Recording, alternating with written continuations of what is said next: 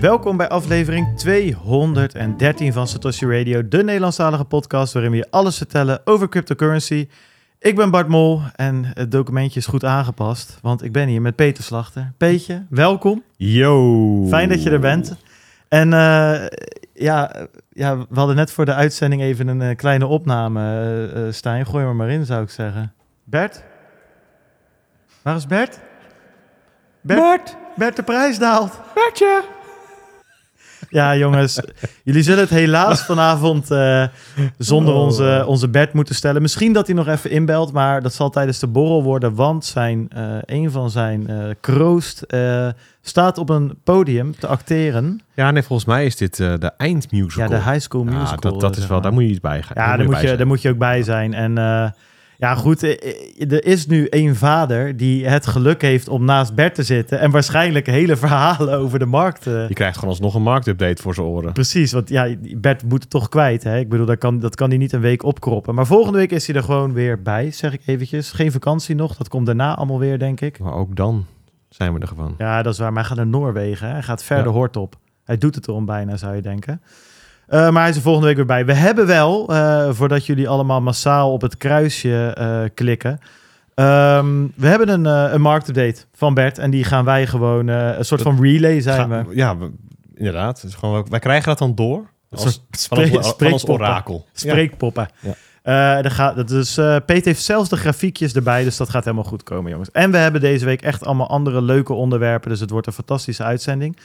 Eh, deze podcast wordt mede mogelijk gemaakt door Anycoin Direct, Bitcoin Meester, Watson Law, Ledger Leopard, Bitfavo, Amdax, Vanek, Blocks en BTC Direct. Eh, bij deze wil ik ook al die bedrijven bedanken, want dit is tevens de laatste uitzending van seizoen 4. Vanaf volgende week beginnen wij met seizoen 5 eh, van Satoshi Radio. Ja. ja, vijf alweer. seizoen 5 alweer. Dat is wel een, een, jubileumjaar. Ja. Daarover later misschien nog wat meer. Gaat het rijtje dan veranderen? Wie weet, maar daar komen we volgende week, eh, volgende week op terug. We zitten midden in de onderhandelingen, jongens. Die worden nog keihard eh, gevoerd. Eh, alles wat wij vertellen is op persoonlijke titel en moet niet worden gezien als beleggingsadvies. Je ziet Die vullen we nergens in. nergens. Nee. Absoluut nergens. Of vanaf blijven. vanaf blijven, laten liggen waar die ligt, als die goed opgeborgen ligt. Als je wil, laat dan vijf sterren achter op Spotify. Like de video op YouTube. Dat kan nu, hè jongens, als je live aan het kijken bent. Ik zie gewoon 104 mensen. Dan zou ik ook graag 102 likes willen zien. Eh, en eh, dan kunnen wij weer door. En dan komen we lekker hoog in dat algoritme. Dat willen we zo graag. Je ziet, eh, die hebben we gehad, dus die vul je nog steeds nergens in. Ook niet nadat je vijf sterren hebt achtergelaten, mocht je dat opeens bedenken. We zijn bereikbaar via Telegram en Twitter. Alle links op www.satoshiradio.nl. En dan sluiten we af met Bitcoin Alpha. www.bitcoinalpha.nl. De enige nieuwsbrief die je beschermt en, Ja, en versterkt. en versterkt. En daar maken veel mensen weer gebruik van. Het is zo omhoog gegaan de afgelopen tijd. Ja. Veel, veel positieve reacties. Ja, tof. Wij hebben eh, net als eh, Bitcoin hopelijk een bodem eh, gevonden. En dat kan je haast geen bodem noemen. Het zijn 600 alfa's die gewoon week in, week uit eh, ons steunen. Precies. Dus dat is fantastisch. En je merkt daar minder van de zuurheid van het sentiment van de bearmarkt. Vind ik ook altijd fijn. Een soort veilige bubbel. Ja, komt ook omdat je een, een beetje brakke reactiemodus hebben. Ehm, Ja, maar de mensen die ervan gebruik maken, die over het Nee, maar omdat je dus echt je best erop moet doen, eh, zijn het vaak inderdaad eh goede eh, vragen of tegenwerpingen die we krijgen. Dus blijf het ook vooral doen hoor mensen, dat waarderen we. We zien het allemaal. Ook de mailtjes die we krijgen, daar proberen we altijd op in te gaan. Als het wat langer duurt, dan komt het vaak omdat het eh, lange mails zijn. Dus die schuif ik ook een beetje voor me uit. Dus als je gewoon een korte vraag hebt, dan, dan is een mailtje van een zin... eh, krijg je sneller antwoord dan een heel lang verhaal met heel veel eh, vragen door elkaar heen. Dus ehm, nou goed, doe ermee wat je wil met die info. Ja, nou wat hebben we deze week? Nou ten eerste, we hebben een gloednieuwe Roadcaster Pro 2, eh Peet. Ja, ik hoor het. Ik, de, de, de feedback van mijn, mijn eigen geluid op mijn kop is echt anders Ja, en? geworden. Maar Dat vind ik niet per se beter. niet. Nee. Oh. Ja, ik weet het ook niet. het klinkt een beetje elektronisch op de een of andere manier. Nou ja, er zitten wel andere effecten en allemaal dingen op. Dus dat zou kunnen. Dus laat ook thuis even weten of je dit eh, goed vindt klinken ehm, of niet. Eh, en dan gaan we daar Nou, gewoon weer mee aan de slag. We hadden net al feedback dat het geluid prachtig klonk. Dus ik ga ervan uit dat dat eh, Ja, nou oké. wel mooi is. Ja, ik vind het een gaaf ding. En Stijn ook. Eh, dus eh, dan, eh, dan zit het wel goed. Ja, Hoe was je we- week? Ja, Ik zit even te denken. Nou, lekker, want ik heb bij Stef op zijn bootje gelegen. Oh. Stef heeft een boot. Stef is de host van Connect the World. Een ringmaster, samen met Edward. En Jury is er ook een ringmaster. Dus daar En- heb je je kleurtje van. Zeker. Nou, ik moet zeggen, ik ben de laatste tijd veel buiten. Ik heb zelfs, ja, ik wilde zeggen zelfs, maar ik kom zelfs vaak buiten. nee, maar ik ben veel buiten geweest. En, eh, maar dit was wel, eh, het was heerlijk weer. En eh, ik heb mijn El Salvador hoed gewoon weer opgezet, want het was, ja, het was smerig warm. Dus dan... Het was echt warm. dus, ja. dus dat. Maar wel leuk. met, met een groepje luisteraars zijn we een stukje gaan varen. En veel gehad over ehm, Bitcoin Amsterdam. Wat er aan zit te komen. Daarover later in deze uitzending meer. Want we gaan even bellen met de orga- organisator. Als alle de- techniek werkt. Een van de organisatoren. Ja. Dus dat wordt heel erg leuk. Dus we hebben het veel over gehad. Ja, en gewoon over Satoshi Radio, over Connect the World. eh, en eh, alles wat erbij eh, bij komt kijken. En wat we nog allemaal kunnen gaan doen. Dus dat was eigenlijk wel heel, ehm, heel leuk. Ja, voor de rest deze week veel gelezen. Ik ben een boek aan het lezen over de man die de iPod... die aan het hoofd van het iPod-team van Apple stond toen ze dat verzonnen. Vind ik niet zo'n leuke vent. Dus, maar ik ga het boek wel uitlezen. Maar, Is het ehm, boek wel leuk? Nou, ook niet per se. Je leest tegen je zin in eigenlijk. Nou ja, ik ben wel iemand die boeken uitleest of zo. Of wel even een serieuze kans geeft. En als ik dan over de helft ben, heb ik zoiets, ik lees hem wel uit ook. Te ja. veel tijd geïnvesteerd, dan moet hij uit ook. Ja, dat is best wel stom. Maar soms leg ik ze ook wel weg. Als ik het echt slecht vind, als ik er echt niet doorheen kom dan. Maar dit leest wel makkelijk weg. Maar ik vind het niet, het is niet heel boeiend. Maar ook niet heel slecht. Eh, dus dat. En jij? Ja, ook wel een lekkere week. Ja, ik zie, ik zie in de chat, Ricky Boy zegt weerbericht. Ja, vorige week had natuurlijk een uitgebreid weerbericht. Ja, nou, ik kan je wel vertellen eh, met... ehm, eh, sideways ja. zou ik zeggen. Kijk, het meestal gaan de weerberichten over eh, wat het weer wordt. Ik heb het even over wat het weer was. Dat is ook een stuk makkelijker. Maar Ja, het was Nee, woensdag echt ja. smerig warm. Ja, toen zaten we op het, op het, op het meer. Ja, maar het toen... Ze zijn zelfs in Volendam aangemeerd, hè? In Volendam? Ja. Nee, dat is niet het... eh, Dat, ja, dat dialect van Volendam zit niet in mij. Nee, ik weet het ook niet. Ben je nog even naar eh, het cafeetje geweest daar? Nee, ik ben niet eh, aan wal gekomen daar. Ik, ik ben lekker blijven liggen. Maar verder was mij, ik, ik heb, ja, het is wat drukke week, lange dagen. Ehm, het was best wel druk rondom eh, die, die nieuwe wet waar we het ook nog even over gaan hebben. Ja. Ook nog best wel wat dingen mee Maar gedaan. druk waarom? Moet je hem opstellen? Ja, meestal schrijf ik die dingen en dan eh, Ja, komt het terug, heen en weer, heen en weer. Paultje die stuurt het altijd door. heel irritant. Maar, eh, nee, maar daar kunnen we straks nog wel even op ingaan. Oké. Ja. En, Ik hoorde eh, Paultje laatst bij ehm, Pom. Podcast over Media. Ja. Ja. Maar dan ging het over andere dingen dan deze. Ja, nee, dat, dat klopt. Voor, eh, Dat ging volgens mij over de ja, reclame en machtmis, reclamewetten, machtsmisbruik en ja. zo. Monopolies van big techs. Ik vond het wel mooi. Paul heeft soms voor mij wel een beetje het idee dat hij eh, Kevin Spacey is. En dan niet, bedoel ik niet eh, eh, de, wat was het, het grensoverschrijdende gedrag. Wat eh, maar gewoon de hoofdrolspeler in House of Cards. Op een gegeven moment ging hij even uitleggen hoe, ja, dat had ik expres gedaan. Had ik die wet, had ik even via een andere commissie gedaan. Gewoon expres. Ja. Weet je wel, nemen ze hem aan, weten ze niet. Ja, Nou ja, hij, kent, hij weet wel hoe de hazen lopen. blijkbaar Ja. ja. dat wel. Dat zegt mijn vriendin ook altijd. Dat vind ik echt zo'n corporate dingetje. Hoe de hazen lo- Ja, Wat zijn nog meer van die corporate dingen? Even met, bij elkaar inchecken. iets inschieten. Inschieten, ja, Ja. inderdaad. schiet- even, ja, even de hengel eh, een bila. even peilen. Een bilaatje doen. Dat, dat heb ik nog echt nog nooit gebruikt. Nou ja, ik heb het wel gehoord hoor. Maar ja, goed. Dat, eh, dat- tijd voor een bilaatje. Ja, ja, ja. ja.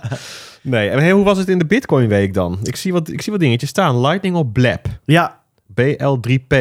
Ja. Zeggen we Blab? Blab denk ik maar, ja. Wel lekker Nederlands. Blabrup. Nee, Ja, B- Ja. BL3P. Tri- Trippy. Nou ja, Lightning op Lab.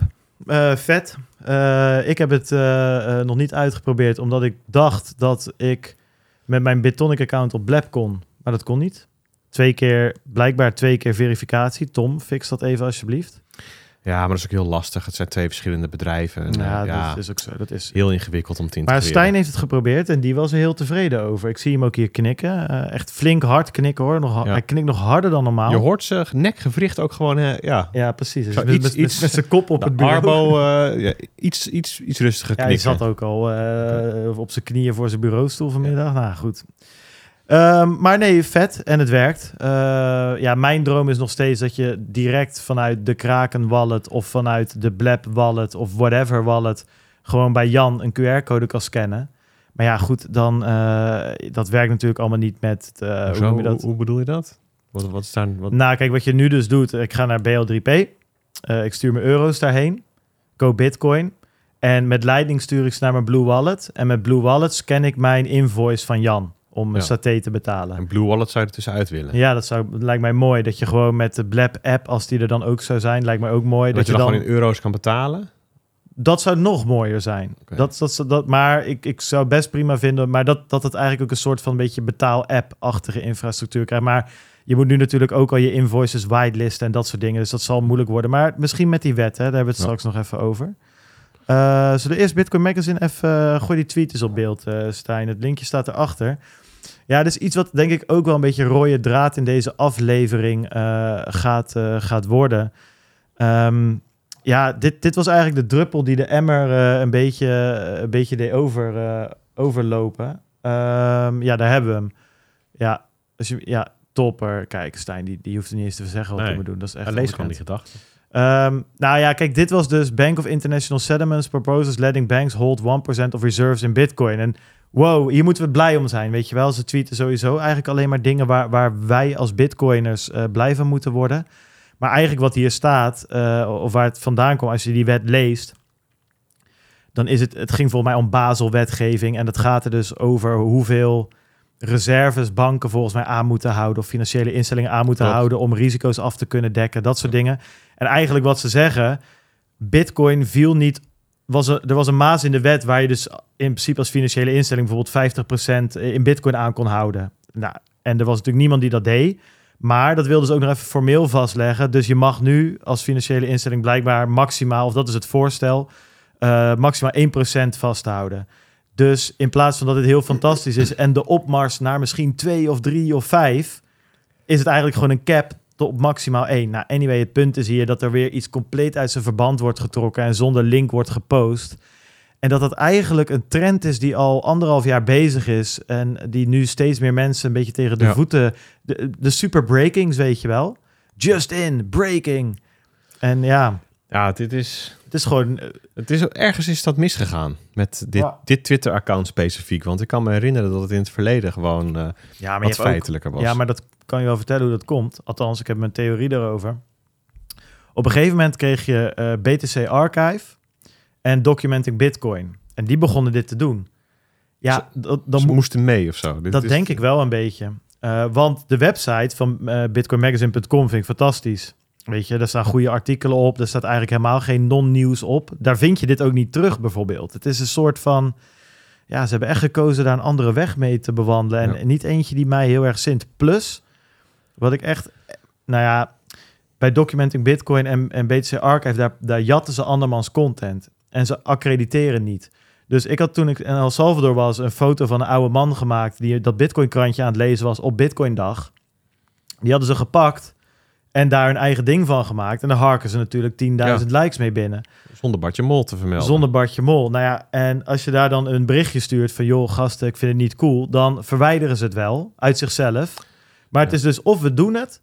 of we ver- verwijderen het, maar we gaan niet accrediteren. Ja, dat Maar gaat dat, voor dat mij... doen ze bij Bitcoin Magazine ook. Dan, dan hebben ze zo'n kreet. Nou, daarvan weet je al van tevoren van... nou, waarschijnlijk is dit niet precies hoe het zit... maar dan Ja. ook het linkje niet erbij. nee. Je komt er pas een paar uur later of zo. Ja, ik vind dat, ik vind dat Maar vervelend. even- En ik vind dat, dat niet passen bij de open source ideologie achter Bitcoin. Van samen delen, samen spelen, zeg maar. Dat, maar even eh, concreet, eh, inderdaad, wat jij, wat jij zei. Ik weet niet of het een wet of een richtlijn is. Dus dit, is het ook nog. dit, is van, dit wordt dus vanuit centrale banken aan commerciële banken opgelegd. Dus, dus dit is niet gericht op centrale banken. Niet dat, dat eh, de, cent- de ECB 1% of zo nee. aan Bitcoin op de balans zou mogen ze- zetten of zo. Dat, die hebben daar geen regels voor. En die hebben sowieso niet kapitaaleisen zoals commerciële banken dat hebben. En dit betekent dus, dus stel je hebt een bank met een miljard aan een balanstotaal en 50 miljoen aan eigen vermogen, dan mag die maximaal 500.000 euro aan bitcoin op zijn balans zetten. Aan, aan crypto eigenlijk, want, er, want eh, de BIS spreekt helemaal niet over bitcoin, maar over crypto in de bredere zin van het Ja, woord. precies. Hè, dus nou, dat kunnen ook stablecoins zijn eh, eh, of, of andere assets. En dan blijft er dus minder over voor Bitcoin.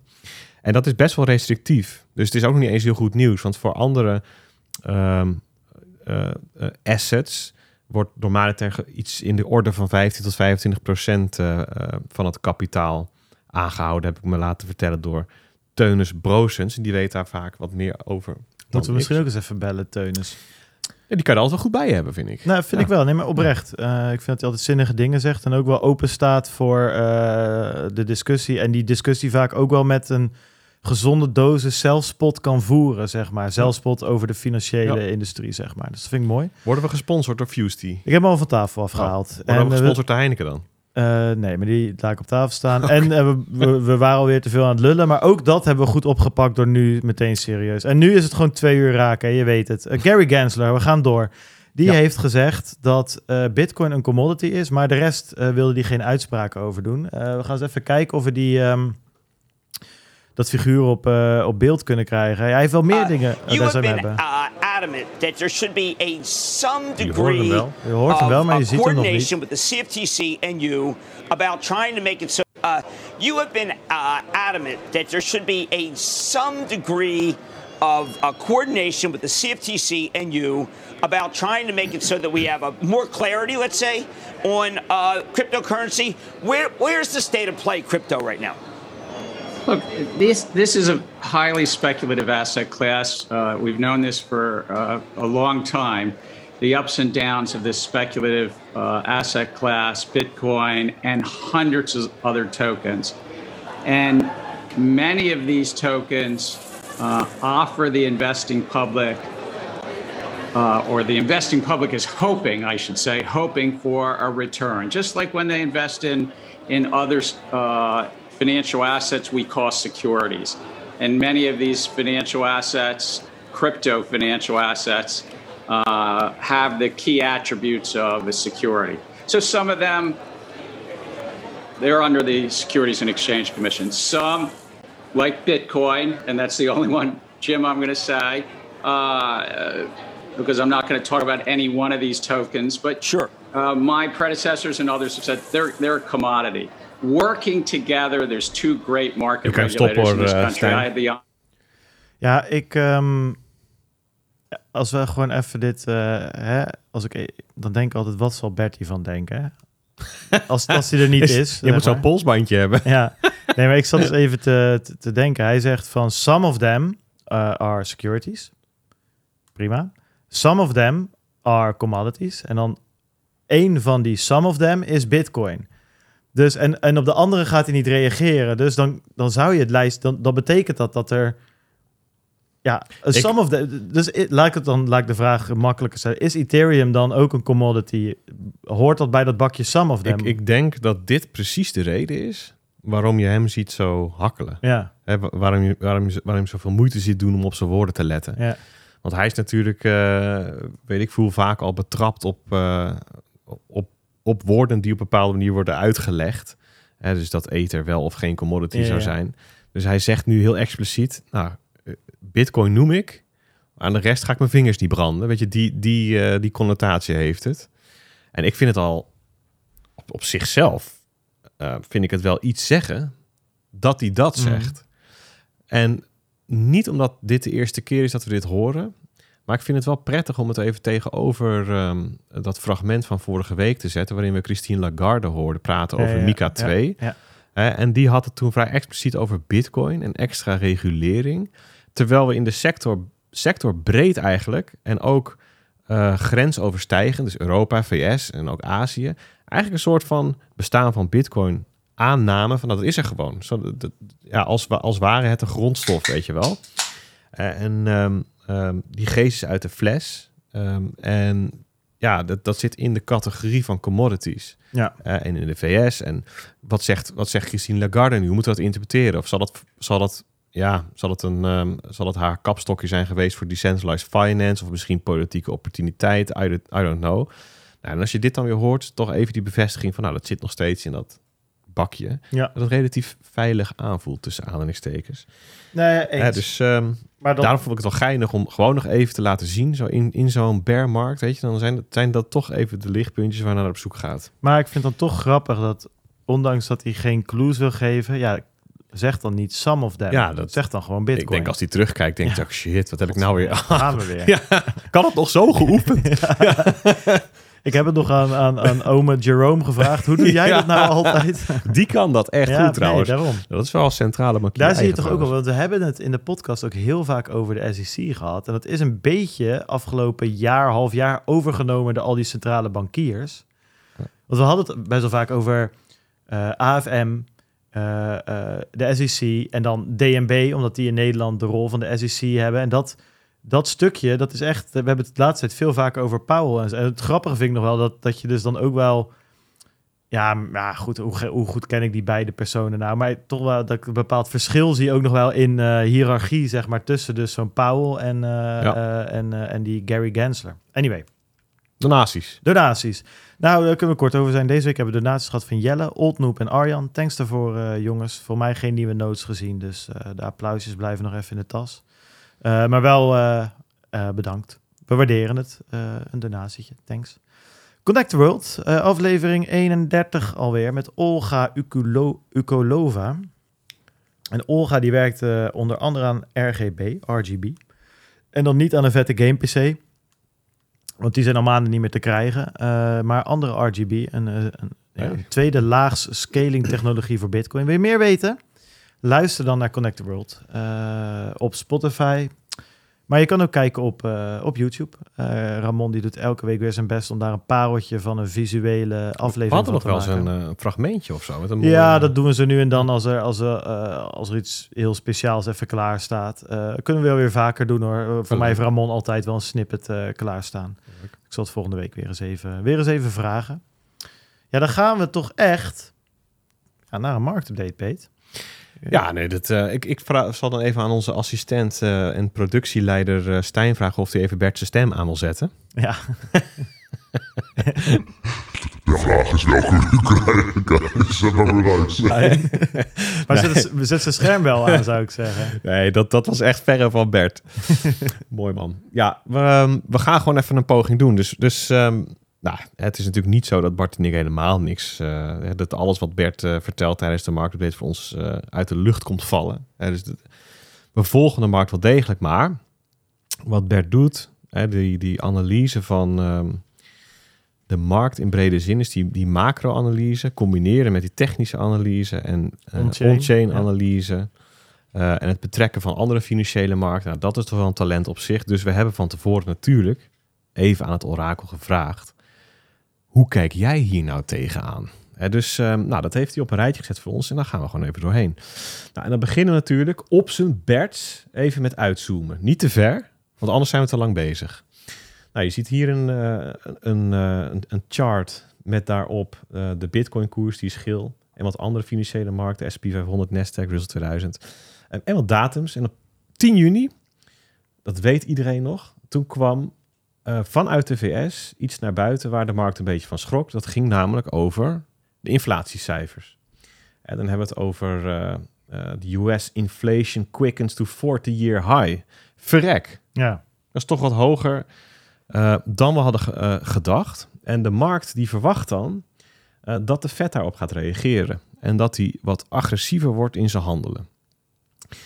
Nou, die reactie van de markt die zie je dan ook hier duidelijk terug. Je ziet eigenlijk al die financiële markten in waarde verliezen. En 16 juni is hier gemarkeerd. Dat is het dieptepunt. Eh, en eh, deze, dit pijltje staat naar de S&P 500. Dat is ook het diepste punt van dit jaar. Het is een all-time low neergezet. Ja, want nog even jaar. voor de, voor de mensen die luisteren. Het, het grafiekje wat we nu zien is eigenlijk een, eh, een kaart van pak een beet 9 juni tot aan begin juli.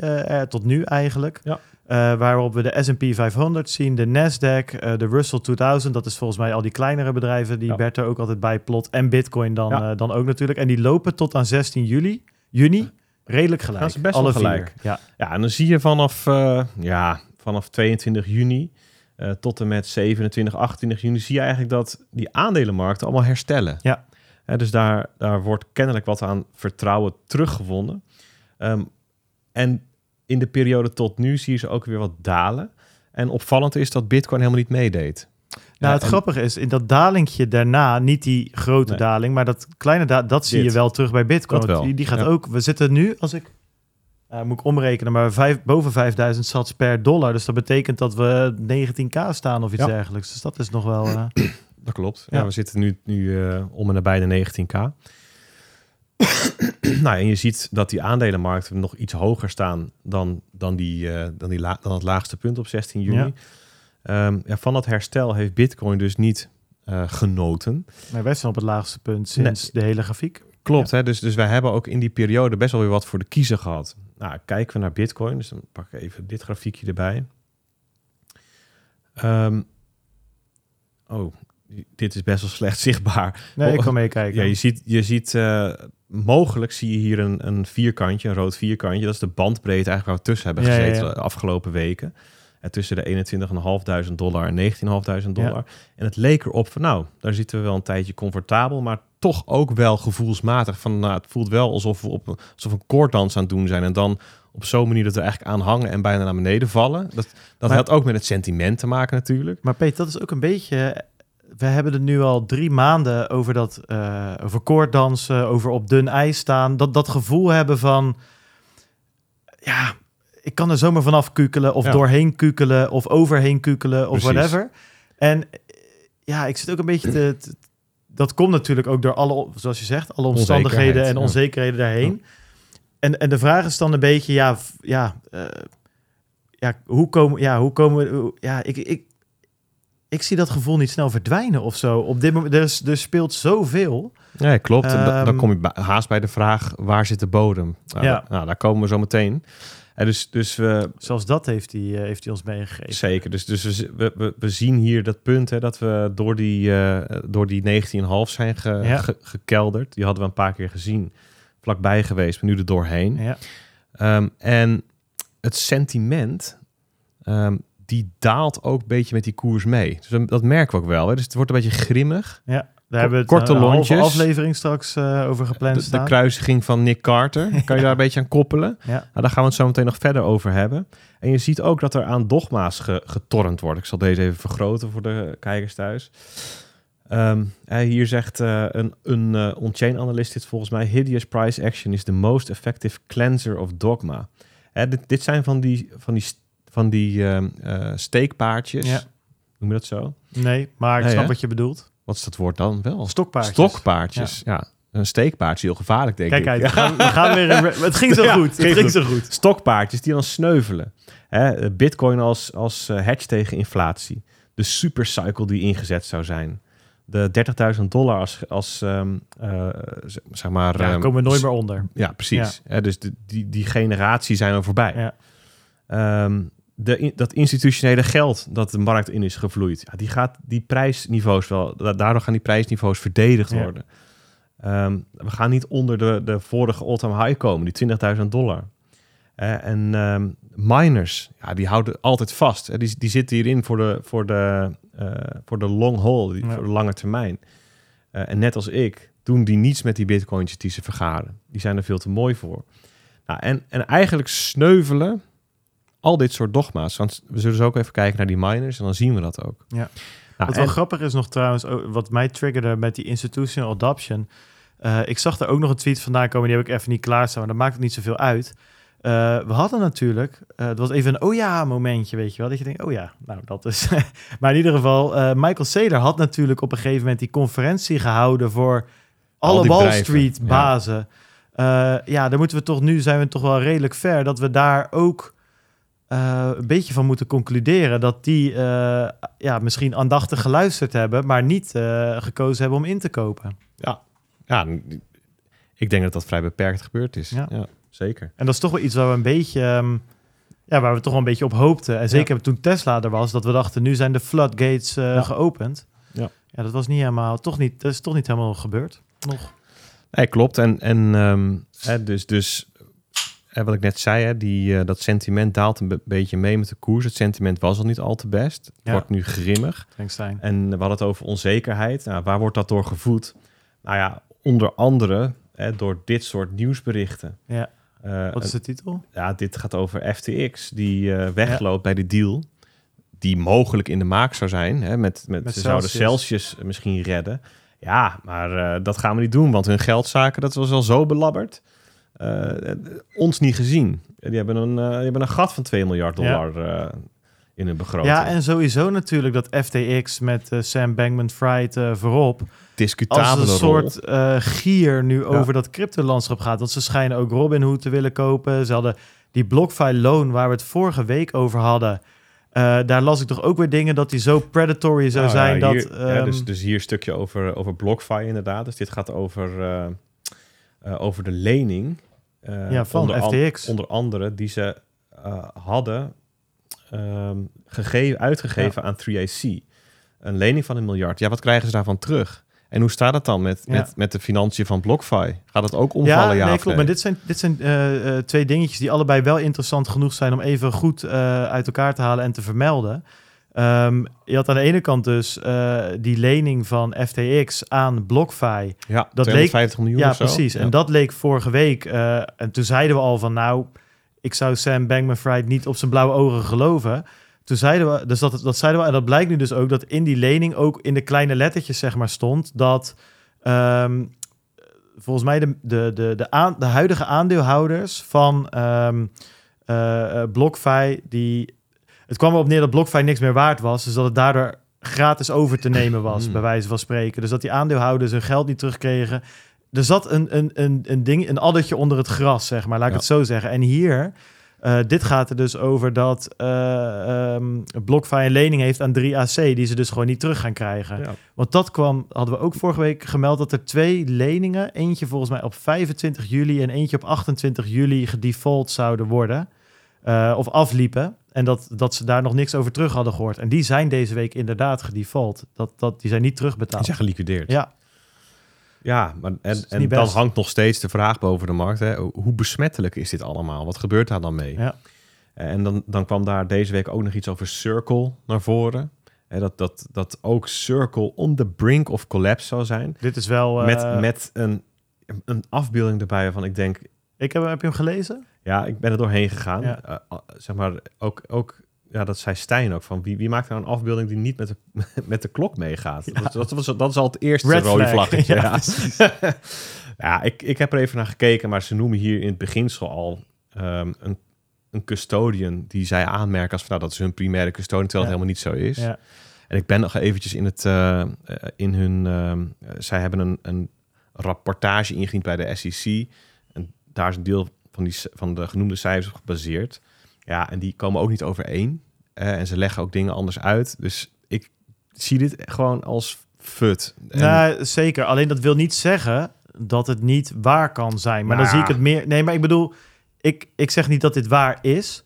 Eh, maar er zitten een paar dingen in die... ehm, bijvoorbeeld dat, eh, dat, dat partijen via BlockFi proberen yield te halen op hun, eh, op hun geld... wat ze van gebruikers... Dat is, dat is het stukje rechtsonder in deze afbeelding. Ehm, dat alleen al kan nog, dat heeft ervoor gezorgd dat best wel veel partijen nu met het water aan de lippen staan. En als daar nog een, een dominootje omvalt, dan kan dat best nog wel verder gaan. Dus mijn punt is een beetje dat er hier een aantal onderdelen in zitten die zeker voor problemen hebben geleverd. Maar er wordt geen enkel bewijs geleverd of, of sluitend bewijs geleverd dat dat bij Circle aan de hand is. Klopt. Maar dat, en bovendien kun je daarnaast leggen, gewoon van een reputabele accountant, eh, dat ze al hun reserves in cash en cash-equivalenten hebben aangehouden. Eh, dus het, het- maakt gewoon geen sens. Nee, dit, dit, dit, is, dit zijn allemaal baseless claims. Ehm, ja, weet je, het past wel bij het moment van de markt. Eens. Ja. Maar ik, ik hecht hier niet te veel waarde aan, Nee. eerlijk gezegd. Eh, en nou, waar, waar leidt al die onzekerheid toe? Dan kom je in een modus operandi van afwachten. En ehm, eh, Bert noemde ehm, de, een podcast van ehm, McCormack, wat Bitcoin dit. Ja. Daar was Preston Pish te gast. Heb ik toevallig ook gehoord. Dat kan goed uit. En die zei op een gegeven moment: I'm stacking cash. I have not sold one Bitcoin. Stacking cash is with my free cash flows. Ehm, hij zegt dat ehm, in de context van zijn marktverwachtingen. En dus hij ziet, zijn vooruitzicht op dit moment is dat er een stevige recessie aankomt. En dat, we, dat, dat er echt nog wel een. eh, eh, dat, dat het nog wel flink gerommel wordt. Dat het nog gaat stormen. Dat, hè, dus dat we de, de, het einde van het gedoe nog niet gezien hebben. Wat niet wil zeggen, per se, dat dit wel... Wow. Dit- Stijn is even aan het tricken, freestylen, freestyle Stijn. dit was geen effect, dit was eventjes een uh, jitsietje volgens mij die aanging. Excuus uh, Dit- mensen, Dit, opgelost. ik, ik hoorde mezelf heel vaak. Ja, dat was wel Ja, vet. Dat klonk wel goed. Tof effect. We gaan weer door. Als ik het had geweten, had ik gezegd, Nee, gaan we weer. doorgaan. Hij, hij doet alles om ons uit onze eh, pure signaalmodus te houden. We gaan knallen door. Oké.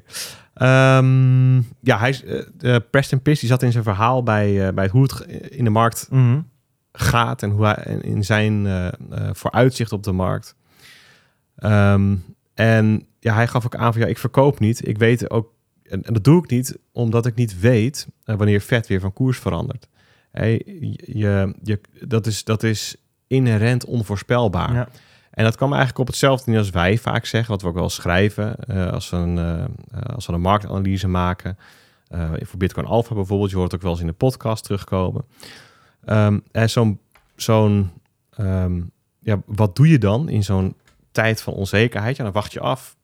Ehm, je verzamelt cash, dus, dus je bouwt optionaliteit in. Om als je ziet dat, dat de markt verandert van koers, Ja. hè, dat je daarmee kan instappen. Dus het tij keert en dan kan je weer positie innemen. Natuurlijk is dat een privilege als je cash kunt vrijmaken. maken. Ehm, maar dat is wat, wat wel grappig is. Dat is een bruggetje naar het volgende on- Ja, mag ik hier wat op, op, op toevoegen? Ja? Nou ja, ik, ik, ik, ik heb dat boek ooit wel eens ehm, eerder in de podcast omhoog eh, lopen zwaaien. Het heet eh, The Psychology of Money van Morgan Housel. Dat is in, ja, ik weet niet meer hoe ik er toen op ben gekomen, maar ik heb hem eigenlijk besteld toen die uitkwam op de een of andere manier. En dat is een, een bestseller geworden. En dat is ook echt, echt een goed boek. Ehm, niet omdat het heel moeilijk is allemaal, maar omdat het eigenlijk een soort opeenstapeling is van gewoon beurswijsheden, geldwijsheden, ehm, eh, investeringswijsheden, dat soort, dat soort dingen, gewoon voor de normale persoon.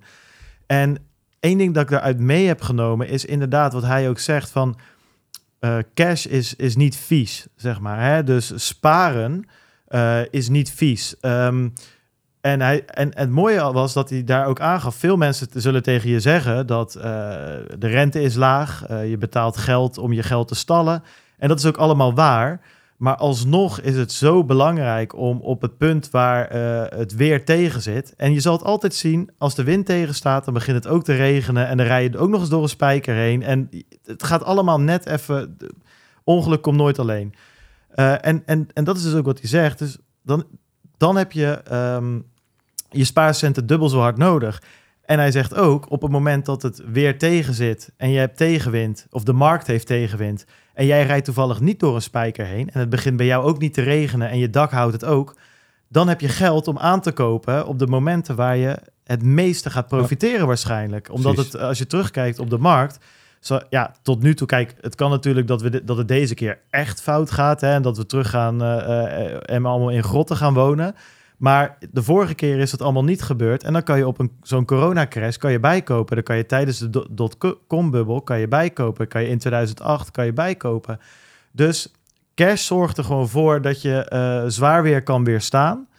En als het zware weer misschien wat minder impact heeft op jou, dat je dan nog ja, wat kan profiteren. En Ja. ik heb dat ja, aan de lijve ondervonden. Dat tijdens de, die coronacrash merkte ik, ik heb gewoon, dat was voor mij een wake-up call. Ik heb gewoon te weinig reserves. Het zit alle, ik, ik bedoel, ik heb, ik heb wel geld, maar misschien moet ik nu bitcoin gaan verkopen. Want dat is nummer drie. Op het moment dat je die, die cash niet hebt, dan moet je, als het weer tegen zit en als je in de regen staat, moet je je bitcoin liquideren op 19.000 dollar.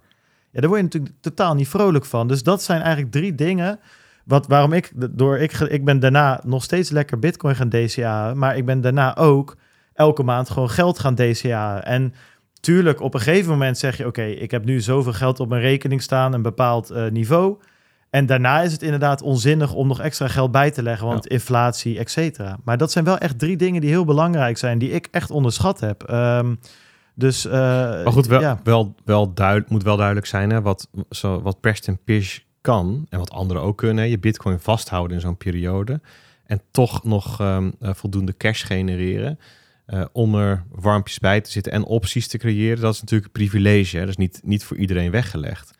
Nee, maar sparen om niet ho- te hoeven verkopen, dat is wel voor iedereen weggelegd. Dat kan, Ja. dat, dat kan. Eh, maar er zijn ook partijen die geforceerd moesten verkopen bijvoorbeeld. Ja, Daar zeker. komen we zo meteen nog even op. Ehm, en hè, daarbovenop, de, de investeringsthesis van Preston Pish, die draait echt om Bitcoin. Dus hij ziet in, ehm, in, de, in het dollarsysteem, die ziet hij op lange termijn falen. En dat is ook de reden dat hij, niet, dat hij geen afscheid wil nemen van zijn Bitcoin. Want hij ziet in Bitcoin, ziet hij een van de mogelijke routes waar dat dan naartoe gaat. Eh, eh, waar, waar de, de cashflows dan eindigen. Ehm, ja, en als je niet precies weet wanneer het weer naar boven gaat, en je wil dan, als dat gebeurt, niet met minder bitcoin komen te zitten dan Nee. dat je had. Dus dat zit daar dan achter. Ehm, nou, en he- het, de rol van cash, dat, dat cash king is op dit moment, hè, en dat, dat men long op cash is, dat zie je ook terug. Dan moeten we even de charts erbij pakken. Dat kan, Stijn. Dat zien we terug in de stablecoins. Ehm, pak even een grafiekje erbij. Hier zie je in het, ehm, in het blauw zie je de totale marktwaarde van Bitcoin en in het oranje die van stablecoins. Ja, en wat dan opvalt is dat die van Bitcoin zo'n 70% gedaald is en die van stablecoins maar 10%. Ja, Hè, dus, dus wat er gewisseld wordt van Bitcoin naar stablecoin is niet ook nog ingewisseld naar fiat om er iets anders mee te gaan doen, bijvoorbeeld. Maar er staat aan de zijlijn. Je kunt nu best wel zeggen van er staat best wel een, een flinke muur aan cash aan de zijlijn. Ja. En maar dat, dat die modus operandi van afwachten, dat zie je daar dus ook in terug. Nou, en dan, de, hè, dan, dan komt dus de vraag vaak van, nou, wanneer dan? Wanneer komt die bodem dan? Wanneer is dat dan? Mhm. hebben we het net al even over gehad, hè, is dus inherent aan deze omstandigheden niet te voorspellen. En we we gaan ervan uit, ik denk dat, re- dat het een redelijke verwachtingen zou zeggen van nou, dat, dat, daar gaan nog wel een paar maanden overheen.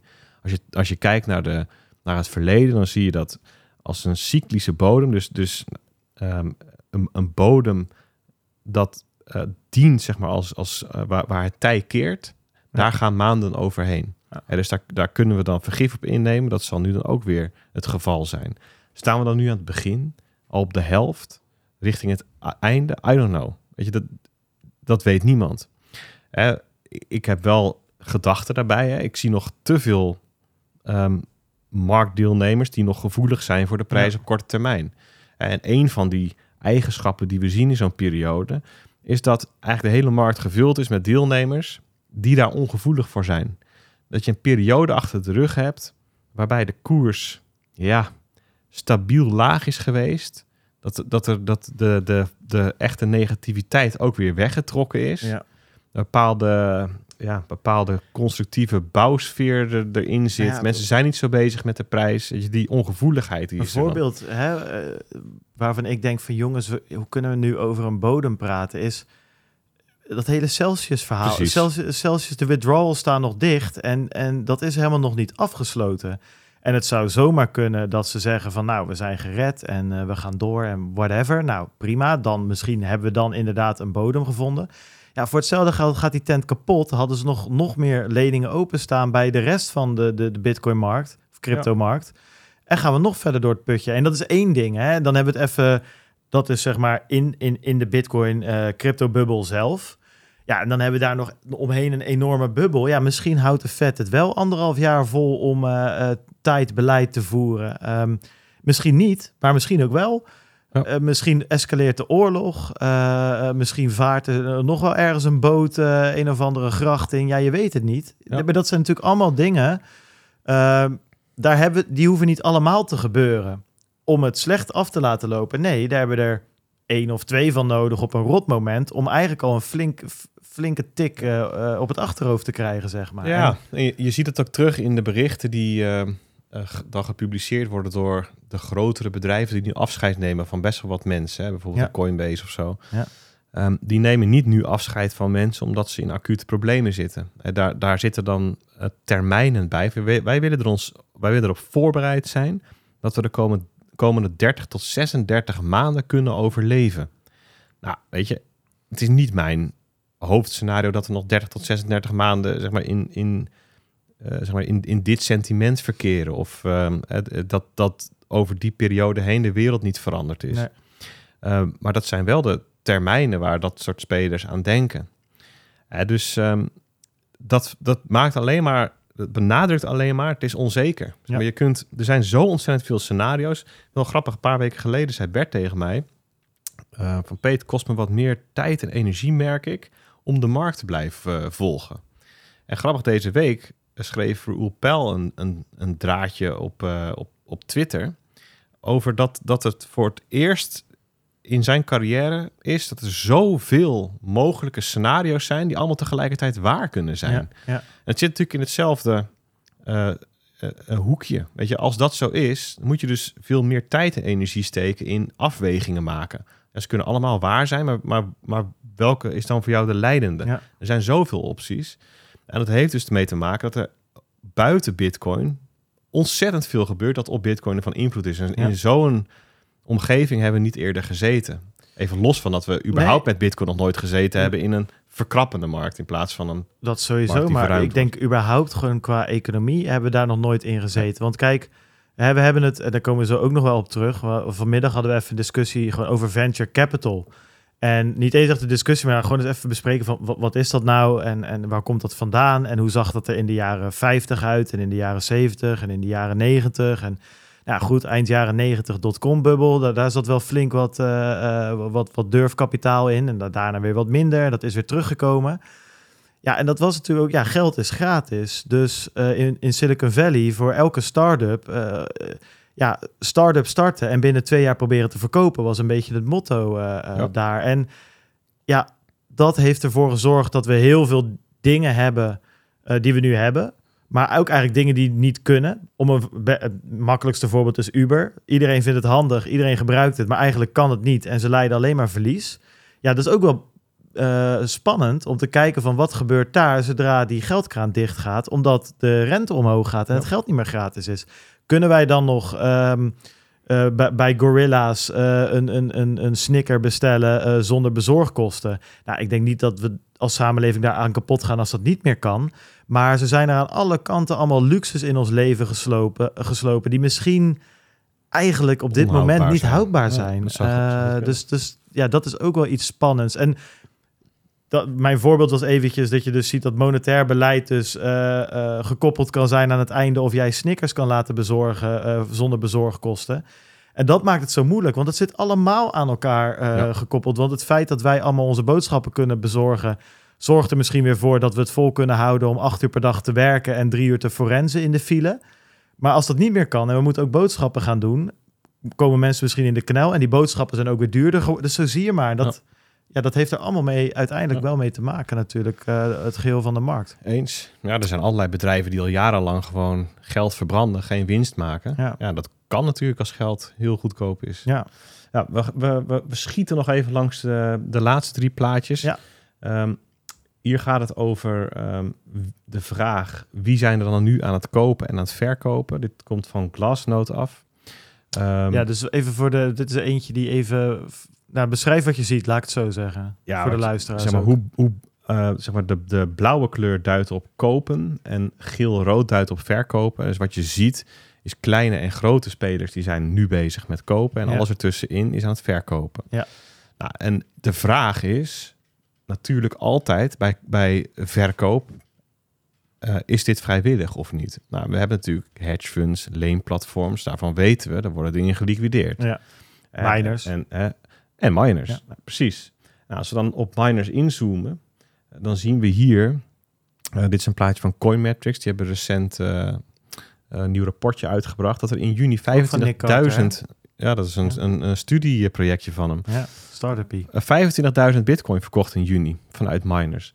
En kijk in de bij Glassnode, die meten dat op een andere manier, maar dan zie je soortgelijke aantallen Ja.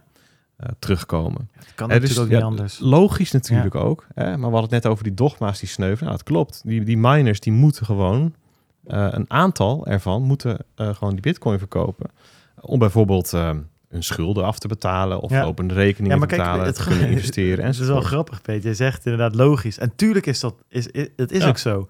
Alleen we hebben natuurlijk in die peak bull market op een gegeven moment ook Michael Saylor die zei van ja, je zal mijn bitcoin uit, mijn koude, stijve, dode handen moeten, moeten trekken voordat ik ze verkoop. Ja, nee, natuurlijk niet. Weet je, er is een moment daarvoor, op het moment dat jouw bedrijf gewoon ten onder gaat, waar, waar het gewoon, eh, hoe noem je dat, eh, uitverkoop is, zeg maar, wa- waar eh, de, de bureaustoelen verkocht worden, de bureaus verkocht worden en de voorraad verkocht wordt. En ook gewoon jouw bitcoin, waar gewoon alles geliquideerd wordt om eh, aan, aan, je schuldenaars, te, eh, schuldeisers te kunnen voldoen. ja, dus die cold dead hands, dat is natuurlijk een leuke meme. Uh, maar, en dat is ook een dingetje wat Nick Carter zei, komen we zo op terug. Het wordt wel een beetje gevaarlijk als je daar echt in gaat geloven. En echt denkt dat Michael Saylor nooit gaat verkopen. Um, want ja, er zijn altijd momenten waar mensen gaan verkopen. En dat geldt dus ook voor die miners. Ja, als jouw inko inkomen uh, met, nou wat is het inmiddels, 75, 80 procent daalt. Hè? Ik bedoel, dat is gewoon de prijs van een bitcoin die ze krijgen. Als ze een blok uh, minen. ja, ja, Dat, dat tikt aan, want jouw jouw energiekosten, die worden ook alleen nog maar hoger de laatste tijd. De, de, reden dat ik moest gniffelen is dat je met Michael Saylor misschien de enige of een van de weinige marktdeelnemers hebt die ten onder gaat met zijn schip. van, die heeft namelijk echt alles eraan gekoppeld. Zeg maar, zijn hele nou, identiteit dat... hebben een houden positionering. Ja, goed. Maar, goed, ook... dat, heeft, dat geintje heeft hij wel vaker gedaan. En hij is ook ja, weer boven komen drijven. Dus Michael Saylor is uiteindelijk ook gewoon een ondernemer, opportunist. En ik ben met je eens. Ik heb ook het idee dat hij behoorlijk serieus uh, gelooft in bitcoin en, en zijn lot daaraan verbindt.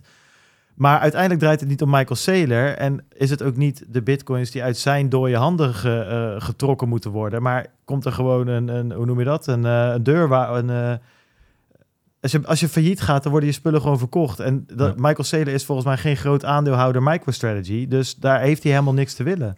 Ik weet niet precies hoe dat zit. Zou nou. Voor mij heeft hij ze niet Zou allemaal kunnen. in handen in ieder geval. Nou ja, ze zijn beursgenoteerd. Dus dat betekent sowieso dat hij ze niet allemaal Nee, dat, dat is zo.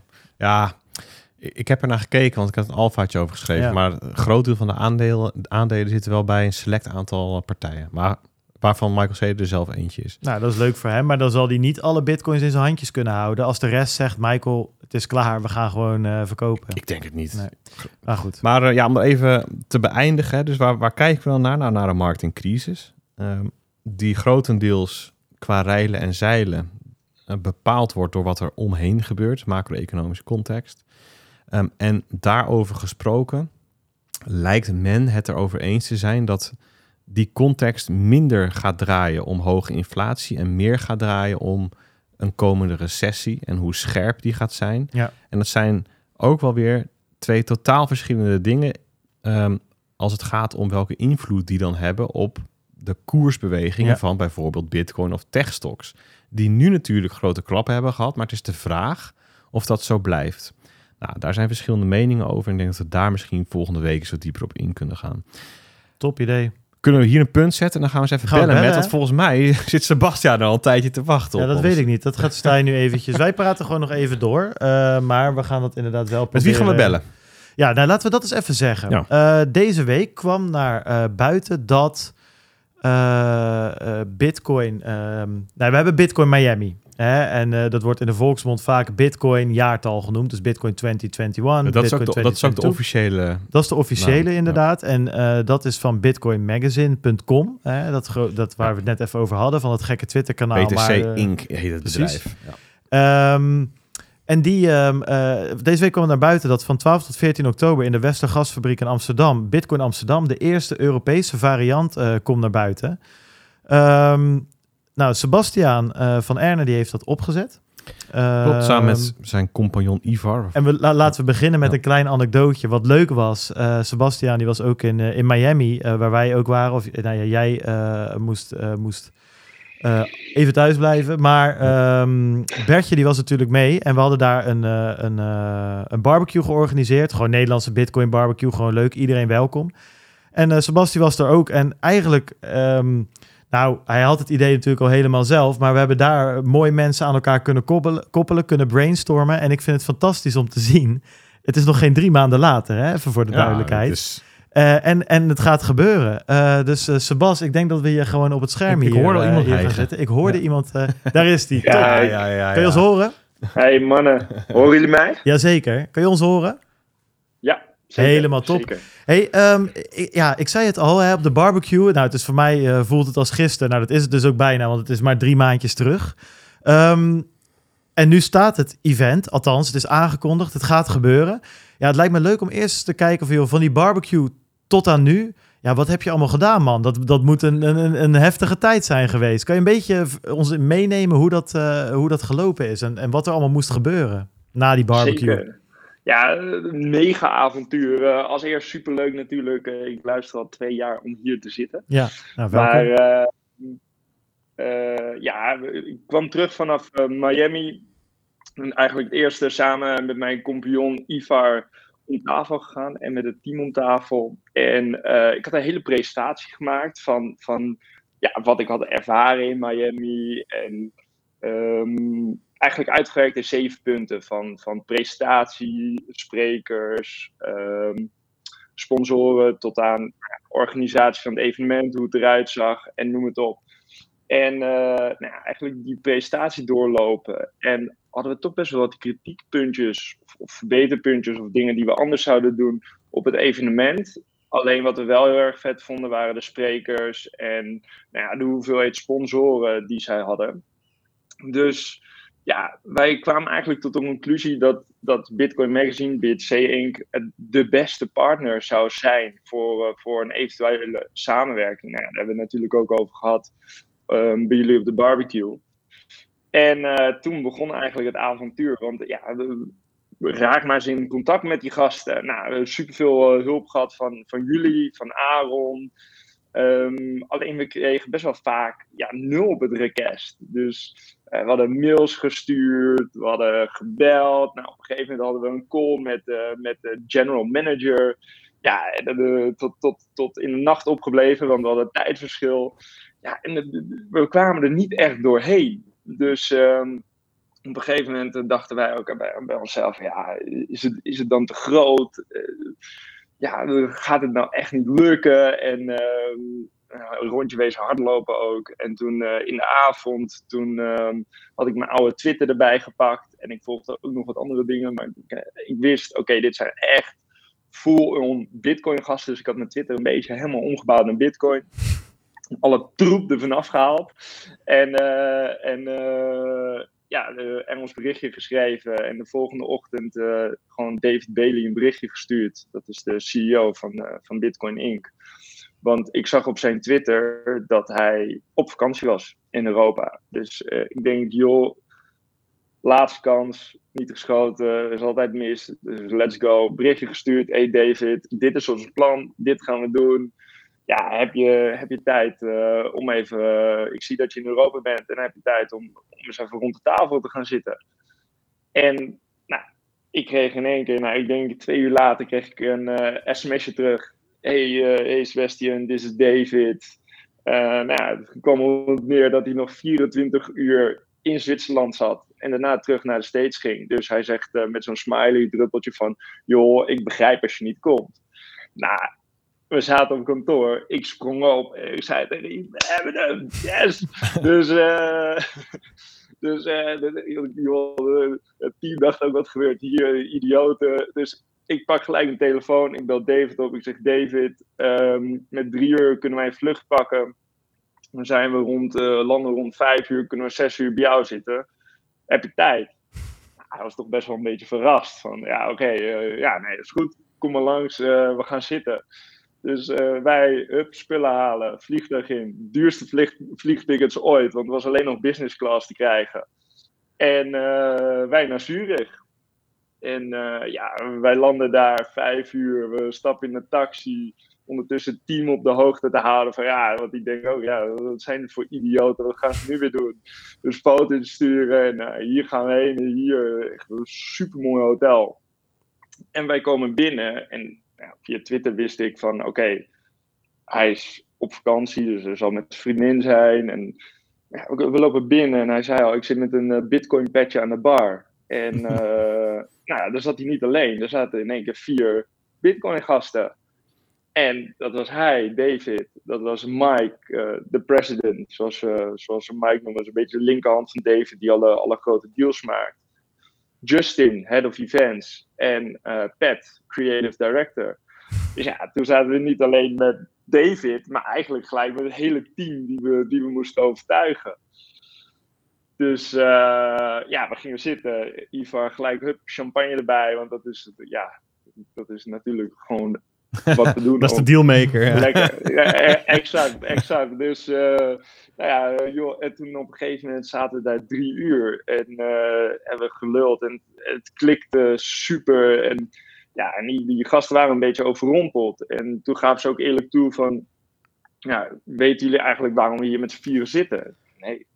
Ja, zij wilden dus een evenement organiseren eh, in Zwitserland, in Lugano. En ehm, ja, daar is in principe gewoon een streep doorheen gaan. En nou ja, nu gaan ze het toch met ons doen. Dus uh, in Amsterdam heel in vet. oktober. Het is gewoon een soort jongensboek hè, wat hij aan het oplezen is. Hij is niet het lezen, hij, hij heeft Nou het ja, geschreven. Nou ja, en, en het mooiste vi- vind ik dus nog. Ja, en, en alle, echt alle credits. Ik vind het echt fantastisch hoe je dit aangepakt hebt. Maar het mooiste vind dat, dat, dat we met, eh, met, met dat clubje in Miami dus gewoon een, een mooie voetnoot in dit hele verhaal hebben. dat is toch. ja, ja, zeker. Het, is, eh, het grappige is, ik had het daar dus eer, eer, of gisteren of eergisteren nog over van... Op het moment dat dat soort dingen gebeuren, dan denk je... hm, Ja, goed, het is een barbecue en daar, daar praat je dan met mensen. En die mensen praten ook weer met mensen. En het is allemaal gezellig. Maar we zagen dat echt... Op zo'n moment denk je, ja, dit het is een barbecueetje. Wat kunnen we nou als klein Nederlands clubje nou eigenlijk... eh, eh, te, Voor elkaar boksen. voor elkaar Ja. boksen. En dan zie je toch dat... dat ja, dat, een beetje dat ondernemende wat er in die Nederlanders zit, gecombineerd met toch wat assertiviteit, hè, een grote Ja. monster nu en dan. En, en niet, wat je zegt, niet geschoten is altijd mis. En we gaan het gewoon doen. Ja, dat, ja, dat Ja. we dus gewoon in oktober gewoon een super dik eh, Bitcoin-event in, in Amsterdam hebben. Dat is wel heel dit, vet. dit was natuurlijk wel pas het begin hè, van, eh, van, van de ontmoeting. En dan begint Ja. eigenlijk pas Ja. de dans om, ja, weet je, be- zijn, zijn jullie geschikte danspartners? Dat was wel vrij snel duidelijk. Maar nou nog samen een dans eh, uitvoeren en tot een deal komen. Ah, daar, zijn dan, eh, daar is dan daarna veel tijd aan besteed, als ik het goed begrijp. Ehm, Misschien leuk eh, om daar nog een klein Ja, stukje over, over ja, toe te lichten. voor, want, voor je eh, verder gaat, Sebas, wil ik graag even noemen, want dat hebben we volgens mij nog niet gezegd. Want jij hebt het over team en zo. En het is denk ik wel belangrijk om er even, eh, even te weten dat Sebastian en Ivar, die zijn dus s'nachts zijn ze bitcoiner, maar overdag zijn ze ja, e- event organizers. Jullie, jullie doen events. Dat is jullie, eh, ja, dat is jullie hebben en houden. Dat is jullie passie. Ehm, dat zijn vooral gastronomische festivals geweest de Ja. afgelopen jaren. Nou, en, en daar hebben jullie dus kijk, je hebt kijk op het organiseren van grote evenementen. Je hebt ook kijk op hoe maak je dat lekker en gastvrij en prettige ervaring. Nou, en die twee dingen, die komen nou samen met Bitcoin. En dat is natuurlijk voor die mannen uit de VS ook super waardevol. Want zij zijn geen event organizers. Zij zijn bitcoiners en kennen die cultuur, de sprekers, hebben de verbinding enzovoorts. Nou, en dat komt nou samen in Amsterdam. Dus het wordt gewoon een knettergaaf feest natuurlijk. En dan ook nog eens lekker en gastvrij en prettig. En weet je, de, de dingen die jullie hebben gezien daar in de VS, dan ook nog Ja. verbeterd. Dus dat is wel tof. Ja, jij wilde nog eventjes eh, iets leuks vertellen over de periode nadat jullie elkaar ontmoet hadden, Sebas. Ja, ehm, want inderdaad, wat jij zegt, eh, Peter, dan begint het pas. Dus eh, je hebt één gesprek gehad. En eh, ja, joh, kijk, eh, wij, wij zijn met een mannetje of tien. Maar je hebt een organisatie van 100 man tegenover je zitten. En Amerikanen. En dat is eh, ja, internationaal. Dus wij dachten ook gelijk van holy shit, hebben we wat hulp bij nodig. Nou ja, Bert en Peter hebben ons ontzettend eh, geholpen. Dus eh, ook hier nogmaals thanks daarvoor. Ehm, maar ja, ja dan begint het. En dan kregen we due diligence. Ik denk vier, vijf van die gasten kwamen gelijk overgevlogen. De week daarna tijdens Fatty Champagnes, een groot evenement wat wij organiseren voor 15.000 bezoekers in Rembrandt Park. En eh, ja, dat was gelijk eigenlijk onze eerste testcase. Want normaal zijn Ivar en ik eigenlijk ook altijd eh, op, op, eh, op het festival aanwezig. Nou ja, nu moest het team een heel groot deel zelf doen. En ja, namen wij de Amerikanen op sleeptouw. Nou, supergoed verlopen. En ja, toen klikte het. En toen begon inderdaad het deal maken. En best wel leuk. Gewoon letterlijk 34 minuten voordat we online gingen, is het, eh, is het contract pas getekend. Dus, eh, en dat in vijf weken tijd. En ondertussen samenwerken gewoon eigenlijk ja, voor, voor alles uit. Eh, concept opzetten, brand maken, want we willen het wel heel erg Amsterdams maken. Teams laten kennismaken. Dus ja, voordat er ook maar iets eh, getekend was, zaten we op een gegeven moment met, eh, met 30, 35 man in een, in een call om het, ja, evenementen gaan lanceren en hoe gaan we dat doen en wie doet wat. En, ja, daar- zit zoveel, eh, zoveel werk al in. Ja, want, want En, Sebas, eh, ehm, wat, wat jij zegt, dat, eh, ehm, daar was ik wel heel benieuwd naar. Want je zegt, hey, je wilt een beetje dat Amsterdamse, Nederlandse, Europese erin Ja. terug laten komen. Ja, en ik, en ik snap dat er nog heel veel moet gebeuren hoor. Dat is denk ik de vraag die we, die we daarna gaan stellen van hoe ziet, het, eh, hoe, hoe ziet de toekomst eruit hè, tot, aan, eh, tot aan oktober. Ehm, maar ja, je bent zelf in Miami geweest natuurlijk. Eh, een aantal luisteraars van, van, ons, van ons ook. Miami was Amerikaans, was mega, enorm, enorm, enorme hal. Echt niet normaal. Daar, daar, daar, daar kon je een half leger in kwijt, eh, inclusief voertuigen. Eh, waarschijnlijk ja, was het ook de bedoeling met alle beurzen die ze daar hebben. Eh, heel Amerikaans, heel groot. Ehm, ja, wat ga, wat, welke dingen van de blauwdruk zijn jullie van plan over te nemen? En welke dingen hebben jullie nu al zoiets van, ah, daar, moeten we, daar willen we onze eigen draai aan geven? Of zijn er al specifieke punten waarvan je zegt, wat is nou echt iets, hoe voeg je die Nederlandse of Amsterdamse smaak toe aan zo'n event? Eh, wat zijn dingen waar jullie, waar jullie nu aan denken wat dat betreft? Ja, eh, veel meer ervaring. Veel meer festivalgevoel, ervaring eh, opdoen. Dus ja, ik ben er geweest. ik miste een beetje de interactie. Ehm, maar we- bijvoorbeeld, we willen een workshop area maken van letterlijk heel basic. Hoe maak ik mijn Lightning Wallet aan Ja. tot aan eh, hoe, hoe maak ik een miner schoon. En, al, en alles ertussen. Dus veel meer interactie met de mensen, eh, workshops, dat soort zaken. Ehm, we willen, nou ja, wat, wat Peter zei, we willen heel erg eh, ook leuke dingen, biertjes drinken, daar leuke interactie in maken met bepaalde speciale bars, dingen met Bitcoin combineren en, ehm, en alles eigenlijk wel echt op een tandje hoger organiseren. Dus ehm, ja, kijk, hoe kwamen we er ook op? Joh, wat jullie ook zeiden van, ja, wat je heel erg ziet is Bitcoin ehm, organisaties die zijn evenementen gaan organiseren. En wat wij doen, wij draaien het om. Wij organiseren evenementen. We gaan in samenwerking met een grote Bitcoin-partij een Bitcoin-conferentie en festival organiseren. Dus dat- dat gaat een totaal andere look en feel worden. En ook Ja. bijvoorbeeld met, met Sound Money Fest, dat gaat er ook aankomen. Dus we hebben twee dagen conferentie en we hebben de derde dag eh, wordt het gewoon feest. Nou Ik denk ja, dat Herbert daar de is- headliner gaat worden. Dat lijkt mij ook. Met de Bitcoin Boogie. aan dat hij die opent. Met, Ja, met een voor, voor, het, voor de conferentie geschreven nieuw nummer. A cappella, ja. Ja, wie weet. Nee, ga verder, ga verder. Maar eh, ja, nee, dat gaat ook gewoon een hele ervaring op zich eh, worden. Dus de exhibit gaat ook gewoon dicht. En het moet gewoon feest worden. Het moet, mensen moeten met elkaar verbinden, met elkaar spreken. Ja. En ja, gewoon echt even lekker los, even lekker eruit. En hoeveel, eh, hoeveel mensen hoop je dat er, eh, dat er komen? 5000 man. Elke dag? Ja. ja, 5000 man per dag. Nou, dat, zou Daar, eh, wel, daar eh, dat, zou wel echt eh, de bom zijn. Ja, het zou Ja. echt. eh, ik kijk er heel erg naar uit. En ja, wat we ook al aangegeven hebben. Hè, het- ik vind al. Ja, ik, ik heb van Bert en Peter her en der eh, meegekregen natuurlijk hoe het proces liep. eh, over de dingen waar ze, dan, eh, waar ze dan op dat moment iets over mee mochten delen. En ja, het is zo vet om te zien. En, en het grappige is op het moment. eh, dat jij hè, een paar dagen terug aan mij doorstuurde van Bart. nou ja, goed, over een half uur. ja, hier, hier is het nieuwsbericht. En over het half uur gaat het eruit naar de wereld.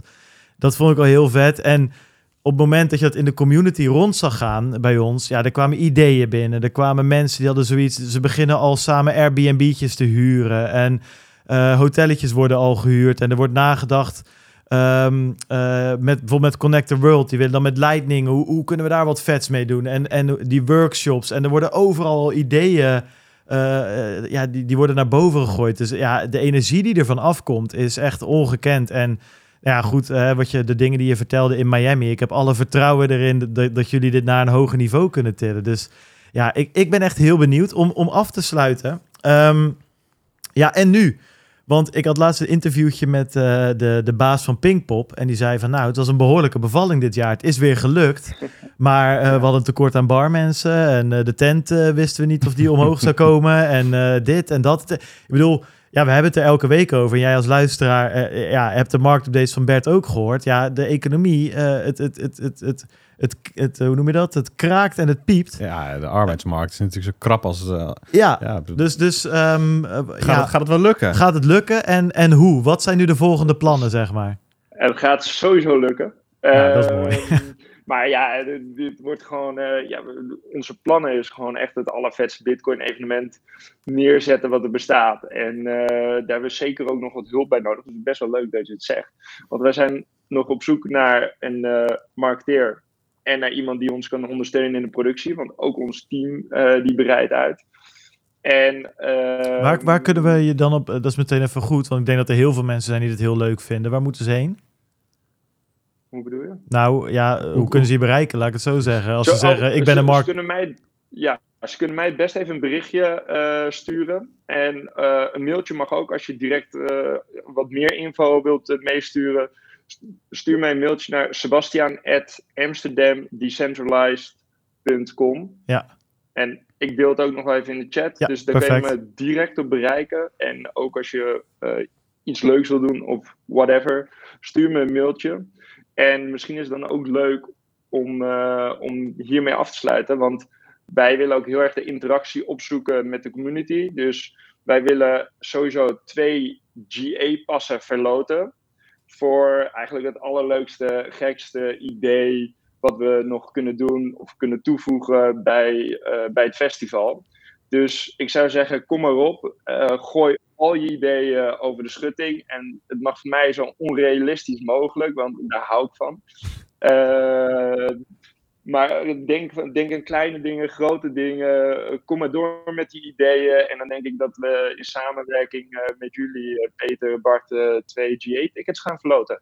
Ja, en GA staat dan voor General Admission. Hè? Dat zijn de, Ja. De standaard tickets. Ja, we krijgen toegang mee alle, alle drie de dagen. Hè? Ja. We gaan overal Ja. naartoe, naar het festival. Ja, we hebben over tickets van monitoren. 249 Precies. euro, Ja, nee, dat is is een hartstikke, Nee, hartstikke leuk mooi dat- prijsje. Dus eh, gaan we doen. Nou, dan moeten we even, Leuk. laten we even kijken hoe we die, eh, die invullen. Maar dat, eh, dat bespreken we binnenkort wel eventjes.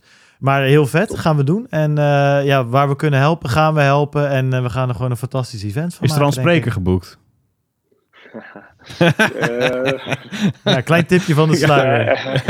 Zijn, zijn er... Nee, eh, de- de- de- ja, helaas kan en mag ik die nu niet geven, maar we richten ons wel, eh, we richten ons wel echt eh, op de top van de wereld. Ja, ik dus- bedoel, dus- we hebben de gashouder in de Westergas. Ik bedoel, wat ons betreft de allermooiste locatie, nou, misschien wel van Europa. En die, die gashouder, daar moet gewoon de top van de wereld komen te staan. Dus eh, ja, dat, dat mogen jullie ook wel echt verwachten. Ja, dus de headliners in, in Miami, dat statuur. eh, eh, Dat sprekers kunnen we hier ook verwachten. Ja, daar hebben we het wel over. ja. heel vet. Maar, ook, maar ook wil ik heel graag kijken naar, om het toch een Nederlands-Amsterdams tintje te maken. Om te kijken of we wat sprekers vanuit Nederland Ja. ehm, kunnen positioneren. Dus mochten jullie ideeën hebben, ook Slactor weten. schijnt wel... eh, Burt Butcher dan. Ja, Bird Butcher. nee, maar we gaan, we, dat, dat komt goed. We gaan echt nog... eh, we zitten boordevol ideeën. Voor mij zie ik je binnenkort ook, eh, ook weer als je terug in Nederland bent. Dus dan gaan we gewoon eh, eh, van alles bespreken. Dus dat gaat helemaal, helemaal goed komen. Thanks voor je tijd in ieder geval. vanuit, Top, vanuit het Bedankt. buitenland. Het is nou, opzienbarend goed gegaan qua Ja. verbinding uiteindelijk. Na, na wat opstartproblemen. Dus thanks voor je tijd. En we spreken elkaar snel, Sebas.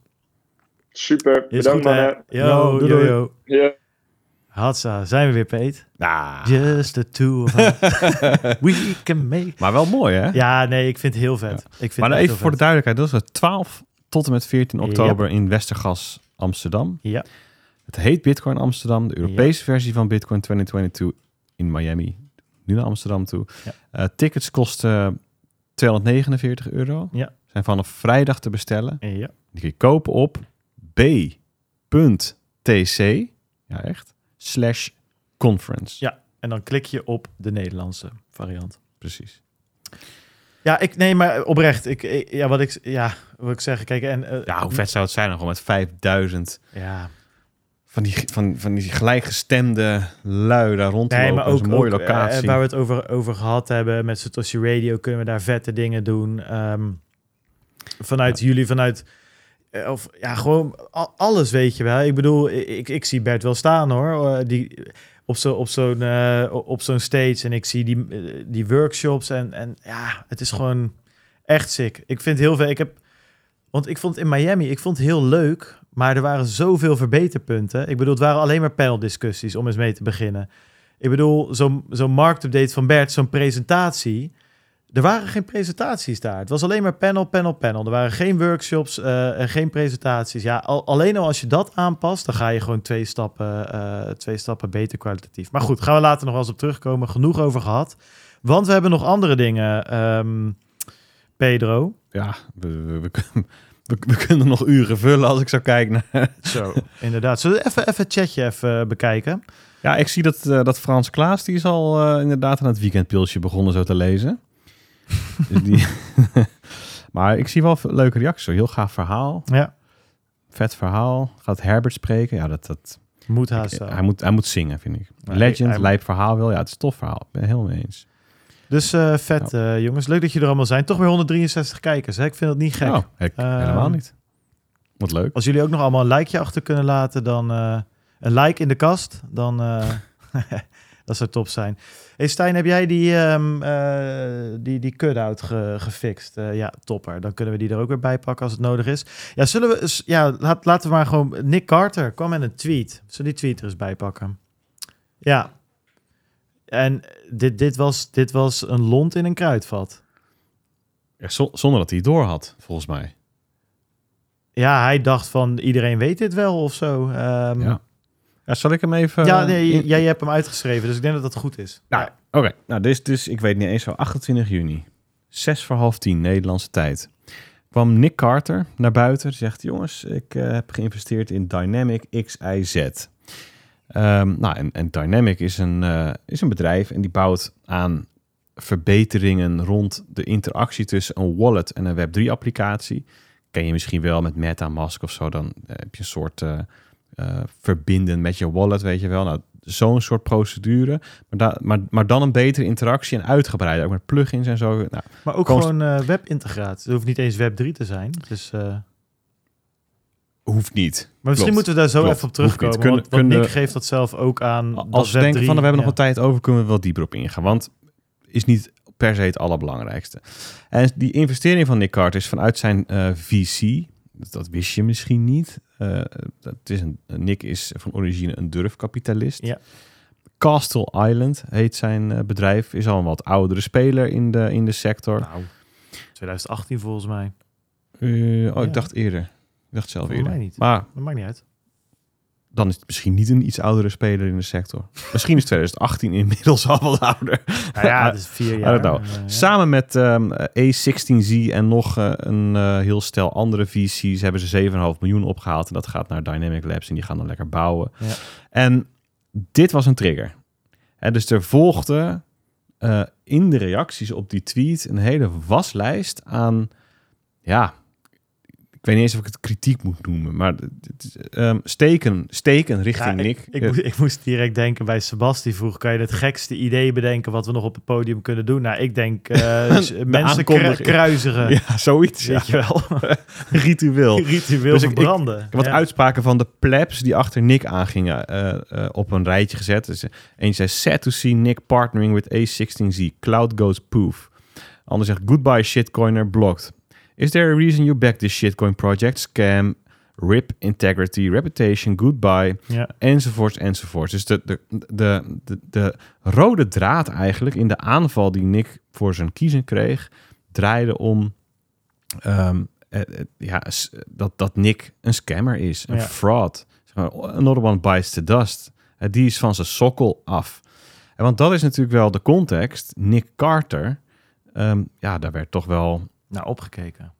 ik denk het wel. Hè? Dus de- de- dat werd door heel een soort van, eh, soort van eh, ideale schoonzoon. Ja, posterboy. eh, ja, Ja. toch wel.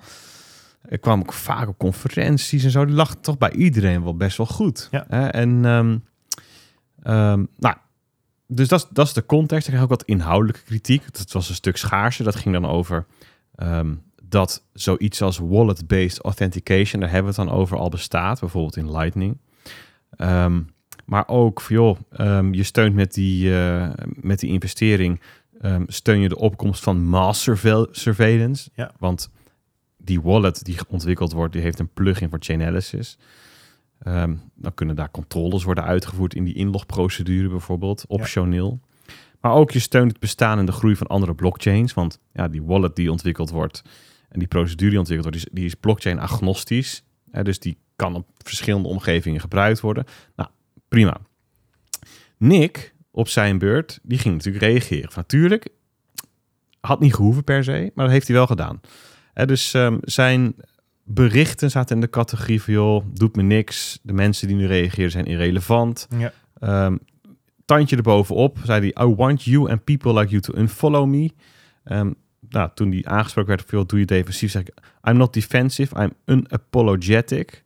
Dus een beetje ehm, zonder schaamte. Dus, dus daarmee bedoelt hij, ik zeg gewoon waar het op staat. Ja. Nou, dat is op zichzelf ook al wat defensief. Ja.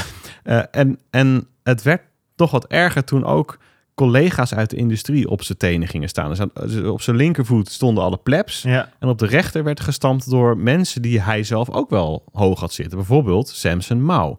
Die quote tweette hem met not something to be proud of. Ja. Nou, en dat quote Nick weer met all I ever wanted was Samson's approval. ja. nou, Het werd een beetje... en eh, zo, nou, dat is, dat is ja. die soap is nog steeds niet afgelopen. En helemaal te midden van die soap en alle tumult schreef Nick Carter een longread over zijn positie. En op mij kwam dat over in de eerste plaats als um, Brandolini's Law aan het werk. Ik zag heel veel tekst om heel veel van de, van de onzin van, van de, die hij over zich heen kreeg, zeg maar, de, de lege uitspraken, om die te weerleggen. Ja. Ehm, hè, dus, dus dat hij überhaupt uitlegt, van, joh, ik, ik, eh, ik ben een VC. eh, en de observatie dat kennelijk heel veel mensen dat niet wisten, wat, Ja. wat ook al bijzonder is, want hij, heeft- hij heeft daar nooit over, hij heeft dat nooit ontweken of zo, dat Hij onderwerp. heeft er geen geheim van Nee. gemaakt. heeft het ook niet van de daken geschreeuwd. Dus, nee dus, dus een heel deel van dat stuk dat gaat eh, over, de, eh, ja, over de platitudes die over zich heen gestort kreeg. ja. Ehm, maar er gaat ook een heel stuk over Bitcoin-maximalisme en de zin en onzin ervan. Ehm, ja, ik denk dat ik het wel leuk vind om hem hier even aan jou over te geven, want jij hebt daar meer mening over dan ik. Je, bent, je hebt nog wel eens dat verhaal even goed doorgenomen. Je hebt daar Ja. mening over. Nou, ik heb dus echt even wat dingen uit dat, uit dat artikel van hem een beetje bij elkaar geknipt. Ehm, want inderdaad, door wat je zegt, kijk, ehm, ik heb Nick ook wel hoog zitten, maar Nick is ook wel eh, boy wonder, weet je. En eh, Nick, die weet het ook allemaal wel. En ik ben het hem ook gewoon niet altijd met hem eens. Laatst had hij ook een discussie waarom hij Europa zo'n klote continent vond of zo. Toen dacht ik echt, ja, wat lul je nou toch allemaal, weet je. Dat, dat... Maar hij had er drie maanden gewoond, dus iedereen moest zijn, zijn waffel maar weer houden. En ja, goed, dat krijg je ook een beetje als je mensen natuurlijk op een, eh, op, op een verhoging, op een voetstuk plaatst. Dat heb ik ook een beetje met hoe hij praat over... Hij is een, hij is een begenadigd schrijver en spreker. En ehm, bij dat soort mensen lijkt het soms alsof ze geen drogredenen gebruiken, omdat ze het heel eloquent hè, kunnen vertellen Mhm. of heel mooi kunnen maken. En dat je denkt, ja, maar dit, dit klopt gewoon. Terwijl als je het dan goed naar gaat kijken, denk je, ja, weet ik niet precies, Nick. En dat, dat doet hij wel een beetje, want kijk, hij wordt natuurlijk aan alle kanten aangevallen. En eh, daar gaan we het zo even over hebben. Dat, ja, daar, dat zit me gewoon niet lekker. Maar ehm, naast dat hij aangevallen wordt, krijgt hij ook gewoon kritiek. En wat er bijvoorbeeld ook gezegd wordt, eh, is van, nou ja, Nick, eh, je hebt de afgelopen jaren... Want Nick die zegt, ik schrijf al jaren over DeFi. Ik schrijf al jaren over Proof of Stake. Ik schrijf al jaren over Proof of Reserve. Eh, ik schrijf al jaren over Sound Money en bla, bla, bla. Dus ik heb het al jaren over DeFi gehad. Maar als je dan zo'n DeFi-stuk terugleest, dan is het een hele kritische blik... met ook oplossingen hoe het beter kan in de toekomst. Ehm, maar daardoor denk ik wel dat mensen een bepaald idee hadden van... oké, je bent enigszins eh, terughoudend, eh, kritische blik op DeFi. eh, je, je duwt het niet allemaal van tafel, maar, maar je hebt wel een kritische blik. Ehm, en hij heeft een heel stuk over Proof of Reserve geschreven. Maar als je dan naar die investeringen ge- gaat kijken... staat daar bijvoorbeeld ook BlockFi bij. En ik denk dat daar een beetje het ding van mensen terugkwam... samengevoegd met een dikke bear market saus... dat iedereen van de leg is van ja, hoe kan je nou een stuk over proof of reserve schrijven en, en het over Bitcoin als sound money hebben? En zelfs nog in dit stuk wat hij heeft geschreven, ehm, eh, dat hij eigenlijk zegt ehm, dat, dat Bitcoin het, de enige base layer is waar hij in investeert. Ja, hoe kan je dan investeren in bedrijven die dingen bouwen op Ethereum? Nou, dat, dat zie ik best als legitieme kritiek en daar gaat hij een beetje aan voorbij. Ehm, maar goed, ja, dat, ja, verder, eh, als je dan in dat portfolio duikt, of portfolio, sorry mensen, ik zeg het weer. Eh, als je in dat portfolio duikt, ehm, het zijn heel veel bedrijven die gewoon infrastructuur aan het bouwen zijn rondom de blockchain-markt, de crypto-markt. En heel veel van die bedrijven hebben helemaal geen token.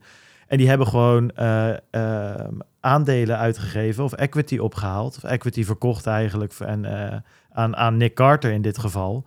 Ja, er zit... Kijk, ik vind dat niet zo... Dat zijn gewoon tech-startups in, in, in mijn ogen. En dan ga ik denken, ja, heb ik daar dan nog problemen mee? Nou, ik heb zeker problemen met venture capital. Ik heb zeker problemen met gratis geld. Ik heb zeker... We hebben het eerder in deze uitzending over gehad. Over een Uber die...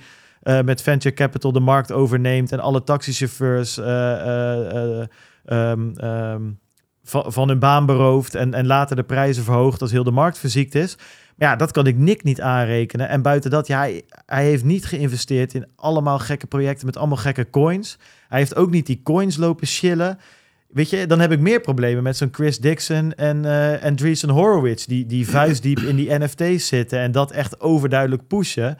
Terwijl, als ze in een podcast gevraagd worden, dat zag ik laatst nog, dat uh, aan Dixon, maar ook aan die andere gozer, um, uh, dat was Mark Andreessen zelf, uh, dat er gevraagd werd van, um, waar kan ik zo'n NFT nou voor gebruiken? Dat ze helemaal geen antwoord hebben. Ja, en Nick kan dit best wel prima uitleggen waarom hij dit doet. Dus daar heb ik al ja. een stuk minder moeite mee. Nou, dat is even over het investeringsdeel van, van zijn stuk. Ja, en dan waar we denk ik wat langer over moeten hebben, is, is het uh, Bitcoin maximalistische stuk. Ik heb gewoon een paar quotes uitgepakt en misschien moeten we het daar dan even over hebben. Um, uh, Eén ding, ja, dit, dit vond ik mooi. Hij zegt: uh, Truth is that the vast majority of VC-backed uh, Bitcoin-focused companies have taken capital from VC firms that aren't just Bitcoin only. En dit is iets wat ik zelf uh, sinds dat ik met de podcast ben begonnen, en zeker sinds dat ik daar mijn werk van wilde maken, maar ook dat je gewoon wil groeien en, en andere dingen dan de podcast wil doen en misschien een live show wil doen of, of een standje wil hebben op die BTC-beurs. Weet je, je wil dingen voor elkaar krijgen. Ja, daar heb je hulp bij nodig, daar heb je geld bij nodig. En de manier waarop er vaak in de Bitcoin-wereld gedacht wordt, vind ik heel binair. Dat is 0 of 1. Weet je, het is zuiver op de graad of niet. En ja, sorry, hate to break it to you, maar de wereld is vaak grijs. En in een grijs gebied kan je nog steeds zeggen van, ik wil aan de goede kant van de evenaar zitten. Maar het is vaak zo dat iets voor 80% past of 85% past. En tuurlijk zou je dan het liefste uh, die 15% er ook bij willen. Maar op een gegeven moment moet je een keuze maken. En ik denk dat Nick dat ook hier zegt. En dat vind ik, uh, dat, dat, dat, dat, daar, daar ben ik het eigenlijk gewoon, uh, gewoon mee eens. Ander ding wat hij zegt is: The same open-mindedness that brought me to Bitcoin a decade ago has served me well. And I'm not abandoning that anytime soon. En dat is een ander ding wat mij aan het, aan het denken zette. Zeg maar, Bit, Bitcoiners verwachten een soort van uh, de rest van de wereld dat die uh, openstaan voor verandering. Want ja, uh, Bitcoin komt eraan. Hè? Zie je dat dan niet? De, de, de, de, de, de future of money is here. Um, dus je verwacht van iedereen radicale radicale beweging, radicale verandering. En dat mensen dat ook prima vinden. Nee, tuurlijk joh. Ik stop wel met pinnen, Apple Pay. Ga, nee, ik ga met Bitcoin beginnen. Prima. Ik wacht even zes minuten totdat mijn Zeus wallet... Nee, prima, gaan we doen. Want in de toekomst is dat... Eh, nou, anyways, je kent het wel. Maar diezelfde Bitcoiners vind ik dat die, die verwachting die ze hebben naar andere mensen toe... Ja, vind ik ze voor de rest eigenlijk heel conservatief in het leven staan. Heel erg vasthouden aan oude, oude gebruiken. En ik vind het heel lastig als ik bijvoorbeeld... Uh, ja, ik, ik vind bijvoorbeeld elektrische auto's vet. En helemaal niet zozeer alleen maar om, uh, omdat ze groen zijn of whatever. Want daar zal vast van alles nog op aan te merken zijn. Ik vind het vaak gewoon ook... Ik vind het gewoon vet. Vooruitgang of niet. Maar het is in ieder geval verandering. Uh, en ja, dat, daar is eigenlijk... Hè, dat wordt weet je, hoe, hoe, meer roker uit de machine komt voor veel bitcoiners, um, hoe beter. En het liefste ook nog um, uh, door kolen gestookt op de een of andere manier. Dat, dat, nou, ja. dat vind ik lastig. En zo zijn er nog wel meer uh, uh, dingen, weet je wel. Ik zag laatst weer, nou, was er bij Loetje zo'n vega-biefstuk of zo. Ja, de wereld is te klein. En dan denk want er, moet, ja, nee joh, de, de, voordat je het weet zit je alleen nog maar uh, sprinkhanen te vreten en wat ben je nou voor flikker en weet je, weet je dat soort achtige, achtige, achtige dingen. En daar heb ik echt zoiets van, ja, dat is niet mijn groep wat dat betreft. Nee. Um, en, en, um, en, en het ding is nog niet eens zozeer van, hey, als jij een biefstukje wil eten, ik hou ook van biefstuk, heerlijk, prima, doe het lekker. Maar de, de manier waarop mensen aangevallen worden omdat ze iets doen wat niet binnen het pulletje valt, vind ik al extreem kut. Ehm, en wat je dus ook nu bij, bij, bij, bij, eh, bij, bij Nick ziet, eh, maar ook bij heel veel anderen. Maar ook de manier waarop dat gebeurt. Ja, gewoon, we hebben het al vaker wel eens over gehad. Toxic, een beetje tegen het pesterige aan. eh, met veel mensen één iemand omsingelen. ehm, en, en gewoon compleet cancelen. Want dat is nog zo'n ding. Bitcoin, oncancelbaar, niet censureerbaar. Maar als iemand wat zegt, dan gaan we achter zijn, eh, eh, achter zijn, achter zijn geldschieters aan. Of dan gaan we proberen het leven zuur te maken. Dan denk ik, ja, je, je bent geworden waar je, waar je tegen streed. Weet je, snap je nog waarom dit gaat? En daarnaast denk ik dat zo'n cultuur ertoe leidt. Ja, nee, moet je, gasten zoals Nick Carter, jaag ze tegen je in het harnas. Die gast heeft zoveel goede dingen gedaan voor Bitcoin. En eh, als je zijn stuk leest, hij is nog steeds pro-Bitcoin, Bitcoin first. Maar hij heeft gewoon een bredere, eh, bredere blik. En daar mag je ook kritiek op hebben. Maar op deze manier iemand afvakkelen, ritueel verbranden, ja, dan komt hij dus ook niet meer terug op een gegeven moment. En dan sta je in je eentje. En dan heb je dus een club mensen. Ik denk dat je hier de vinger op, op de zere plek legt. Dus het onderscheid tussen Bitcoin only en Bitcoin first, dat klinkt klein, maar dat is dus een wereld van verschil. En ik denk dat hij daar ook tegenaan loopt. Je hebt, je hebt een groep Bitcoiners die Bitcoin zelf als ideologie beschouwen, of dat als onderdeel van een andere ideologie hebben gemaakt. Eh, En dat betekent eh, dat een aantal van een aantal of alle van hun ehm, ja, basiswaarden, zeg maar, of een levenshouding daaraan gekoppeld zijn. Ja. Eh, en dat is per definitie een gesloten eh, uitgangspunt. Want je, bent- je, zeg maar, als een ander die die basiswaarden niet hanteert, dan wordt het al lastig gesprek voeren. En er zijn wel meer onderwerpen in het leven waar dat voor geldt. Religies bijvoorbeeld. Eh, en dan heb je dus te maken met ehm, een, een, een, een min of meer gesloten wereldbeeld. Maar op zichzelf, hè, ik vind het prima dat mensen dat hanteren. Dat, daar op zichzelf geen kritiek tegen. Maar als je jouw modus operandi is met een open blik hè, en ehm, je bent juist op zoek naar contraire meningen, andere visies, je wil die van jou aanscherpen. Ehm, je vindt het prima dat verschillende dingen naast elkaar bestaan. Hè, en je vindt het ook prima dat je, ehm, ja, dat je, dat je het oneens bent met mensen op bepaalde fronten. Ja, dat, dat, is, dat is een heel andere modus, een heel ander vertrekpunt. En een heel ander soort community ontstaat er dan ook.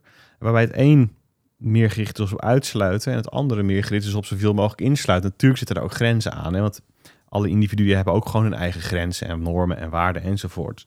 Dus ook dat kan botsen. Dus ik wil niet zeggen per se dat het een beter is dan het ander, maar het gaat niet lekker samen. Nou, en die groep Bitcoin only, zeker in deze periode, is heel snel met het cancelen van wat botst met wat in hun ogen zeg maar, niet past. Ja, Bij die basisbeginselen. puur is. En het is niet helemaal eerlijk om die groep gelijk te zetten aan de plebs die dan op Twitter eh, Nick aanvallen. Hè? Want daar kunnen ook trolls tussen zitten. Ehm, daar kunnen ook mensen tussen zitten die denken dat ze dezelfde ideologie aanhangen, maar ook gewoon maar wat mensen napraten. Er zitten mensen tussen die Nick bed- bedreigd hebben, die zijn vader bedreigd hebben. Ja, weet je, dat, dat, dat gaat niet. Dat, dat, dat zal ook, dat zullen ook de meeste mensen uit beide groepen afkeuren. Weet je, Mhm. dat, dat is het punt niet. Eh, maar het zijn gewoon wel twee heel verschillende denkwijzen, Ja. filosofieën, Ja. manieren om naar het wereldje te kijken. Ik ben zelf meer Bitcoin first en ik vind ja, die open houding interessanter. En dat is ook altijd wat we gezegd hebben. En we kijken naar meerdere dingen. Wij, ons vertrekpunt is Bitcoin, maar we vinden het interessant om die technologie waar Bitcoin gebaseerd is, om te kijken wat voor gezichten heeft die, hoe kan het gebruikt worden, wat gaat er mis, Eh, welke vormen neemt dat aan, wat kunnen we onderzoeken. Ah, en wij komen er ook eh, achter en zien ook vaak dat heel veel daarvan ja, niet het doel bereikt wat het, wat het zegt of beoogt te bereiken. Eh, en daartegenover staat dat als je als Bitcoin only je vertrekpunt is, je zegt bij voorbaat van het is alleen Bitcoin, de rest is een scam of fraude. Ja, van alles wat dus, dus de plank mislaat, heb je gelijk gehad. Ja. Eh, want je, En er gaat best wel vaak wat mis, dus je hebt best Tuurlijk, vaak gelijk. Ja, dus wat dat betreft is het wel een heel functionele basishouding. Ja. Je, het is ook een bescherming. Ja. Hè, dus eh, dat komt dan weer bij zo'n open houding kijken. Moet je dus wel beter opletten wat je doet. Dus alles heeft zijn voor- en nadelen. Tom die zegt in de chat, cry harder. Ja, dat, Nou ja, nee, maar letterlijk. Ik, heb hem, ik, heb, ik zat dus deze lijn van gedachten en ik heb hier letterlijk in mijn, in mijn show notes staan. Ja, Bart, cry harder. Ja, weet je, en dat oprecht prima. Dat, daar heb ik niet zoveel op tegen. Eh, ja, zeg het, zeg het tegen me en, eh, en ik blijf wel lekker janken. Nou, maar daar- ik heb dus wel zoiets. Dat is dus, dan ben je mij op een gegeven moment wel kwijt. Kijk, ik ga dan op zoek naar een groep mensen die eh, ook Bitcoin vet vinden. Kijk, en even voor de duidelijkheid. Ik denk dat er een paar dingen zijn. Ook, ook Nick zegt dat ook in dat, in, dat, in dat artikel van hem. Kijk, Bitcoin first. Je hebt ten eerste openstaan voor andere dingen om te snappen hoe het werkt. En om te kijken of er wat tussen zit. Dan heb ik, dat heeft helemaal niks met investeren te maken. Dat is gewoon een keertje MetaMask installeren en eens kijken van, is die, werkt het? Dat is een keer een NFT kopen om te kijken of het daadwerkelijk de fees 6000 euro zijn. Of hem dan niet kopen uiteindelijk natuurlijk. Weet je, dat, eh, dat is een NFT kopen om te kijken of het daadwerkelijk alleen maar een linkje naar een eh, Google Drive eh, bevat waar het plaatje staat. Weet je, ook ik denk als je eh, Bitcoin wil, wil begrijpen en ook wil begrijpen waar eventuele risico's liggen, dan moet je dat, dan is dat gewoon verplichte kost. Dat, dat is één.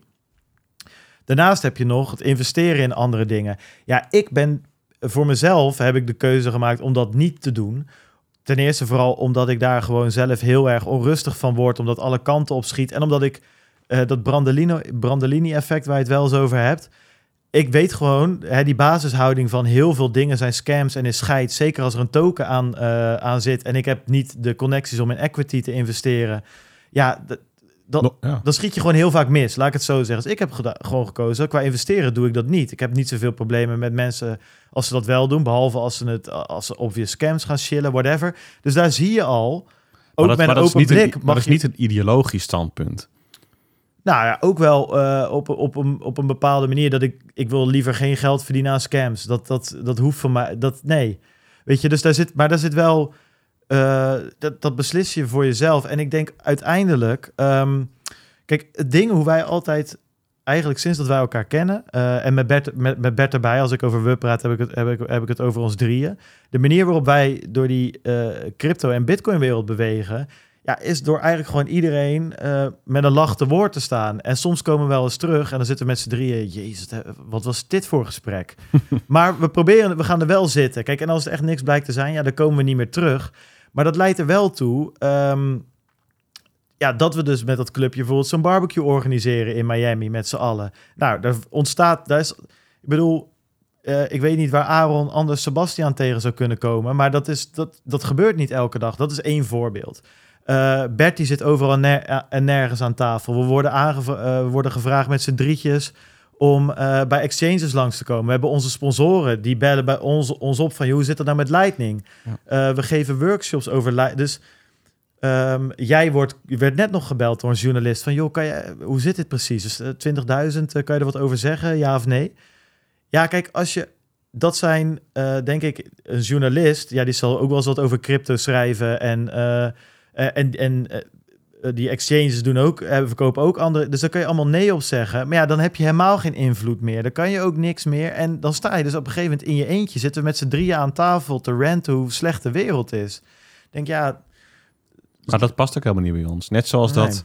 Nou, eh, niet- nee, net zoals nee. dat Cry Harder niet bij ons past, om dat te roepen. Eh, ik bedoel, eh, dat, dat kan, maar alleen, ja, zo, zo, dat is niet de aard van, in ieder geval niet van mijn beestje. En ik weet ook van Bert niet. Kijk, Ja, voor mij dat, ook niet. dat heeft een, een uitsluitend karakter. Ja. En ik denk dat wij van nature meer eh, ver- ja, verwelkomend zijn of iets dergelijks. En ook als iemand eh, op een andere manier naar de wereld kijkt. Maar dus dat- dat, is, en, en dat, dat merk ik wel. Zeg maar, de, ik weet niet of het een eigenschap is van de Bitcoin-only groep. Ik, ik denk het, dat het oneerlijk is om dat gewoon op die hele groep te plakken. Maar het is toch regelmatig, heeft het een onaardig, je, agressief-achtig karakter. En, en afschrikkend misschien, weet je. En tuurlijk kan je zeggen, cry harder, not go, weet ik wat voor termen er wil plakken. hè. Not gonna make it is dan weer Nee, dat is weer dat Ethereum hoort er eigenlijk helemaal niet bij, maar nee. zit, dat, zit, dat, is, dat, is, dat is net zo'n uh, Nou, have fun staying poor. Kan, have fun kan wel in staying dat, poor of uh, nou, ge, ge, go, ge, plak er een label op, Ja. weet je. En, en daarmee is de kous af. Weet je, het, is- het is allemaal heel zwart-wit. Nou, en dat kan best genuanceerder liggen in, in die eh, groep. Maar ehm, Ja, ja, en- dit, en- dit, dat is niet iets wat bij ons past. Zo hebben wij nooit eigenlijk door die markt heen bewogen. Nee, en kijk, weet je wat het is? En even voor duidelijkheid, hè. Ik bedoel, kritiek mag en harde kritiek ook. Daar word je allemaal beter van. Weet je, ik vind alle feedback die we ook op de show altijd krijgen... of de keuzes die we maken of whatever... Doe dat ook. Dat is prima, weet je wel. Alleen er zit een verschil tussen iemand een, eh, een shitcoiner noemen... en, eh, en allemaal andere eh, krachttermen erbij. Of gewoon zeggen van ja, maar waarvoor... Waarvoor investeer je daarin? Of waarvoor zeg je dat dit tof is? Of weet ik veel. Vraag aan Bert waarom die eh, enthousiast is over een zelfrijdende bank. En je krijgt een goed antwoord. En dan kan je echt een discussie met hem hebben. En met mij ook. En met Peet ook. En, maar ja, dat, dat zie, die discussie vaagt steeds verder weg. En ik vond het ook mooi. Pimmetje Pom, die zei in de chat eh, vandaag. Die had ook een stuk uit Nick Carter zijn, eh, zijn verhaal gehaald. En die zei ook van ja, maar vervang Bitcoin er door elke andere activistische, be- beetje activistische groep in deze samenleving. En je hebt hetzelfde. En dat klopt wel. Het is ook voor mij misschien een gevoel wat steeds meer opkomt. Dat overal waar ik kijk, loopt iedereen ruzie met elkaar te maken. En niet naar een constructieve uitweg te zoeken. En dat, daar, daar baal ik soms wel een beetje van. Ik wil me even afsluiten met. ehm, eh, nou, dit, dit, dit vond ik wel een mooi stukje. En dan kunnen we nog even, want ik wil nog even over die wet hebben, namelijk. Anders uh, mist Stijntje zijn trein ook straks. Moeten we ook niet hebben. Eh, hij zegt: Ultimately, Bitcoin is not a lifestyle. Bitcoin is not a steak dinner. Bitcoin is not memes and it's not laser eyes. Bitcoin is a profoundly useful tool. It's, it's, it is impregnated with some ideology, uh, but it is not the ideology of uh, that these people profess.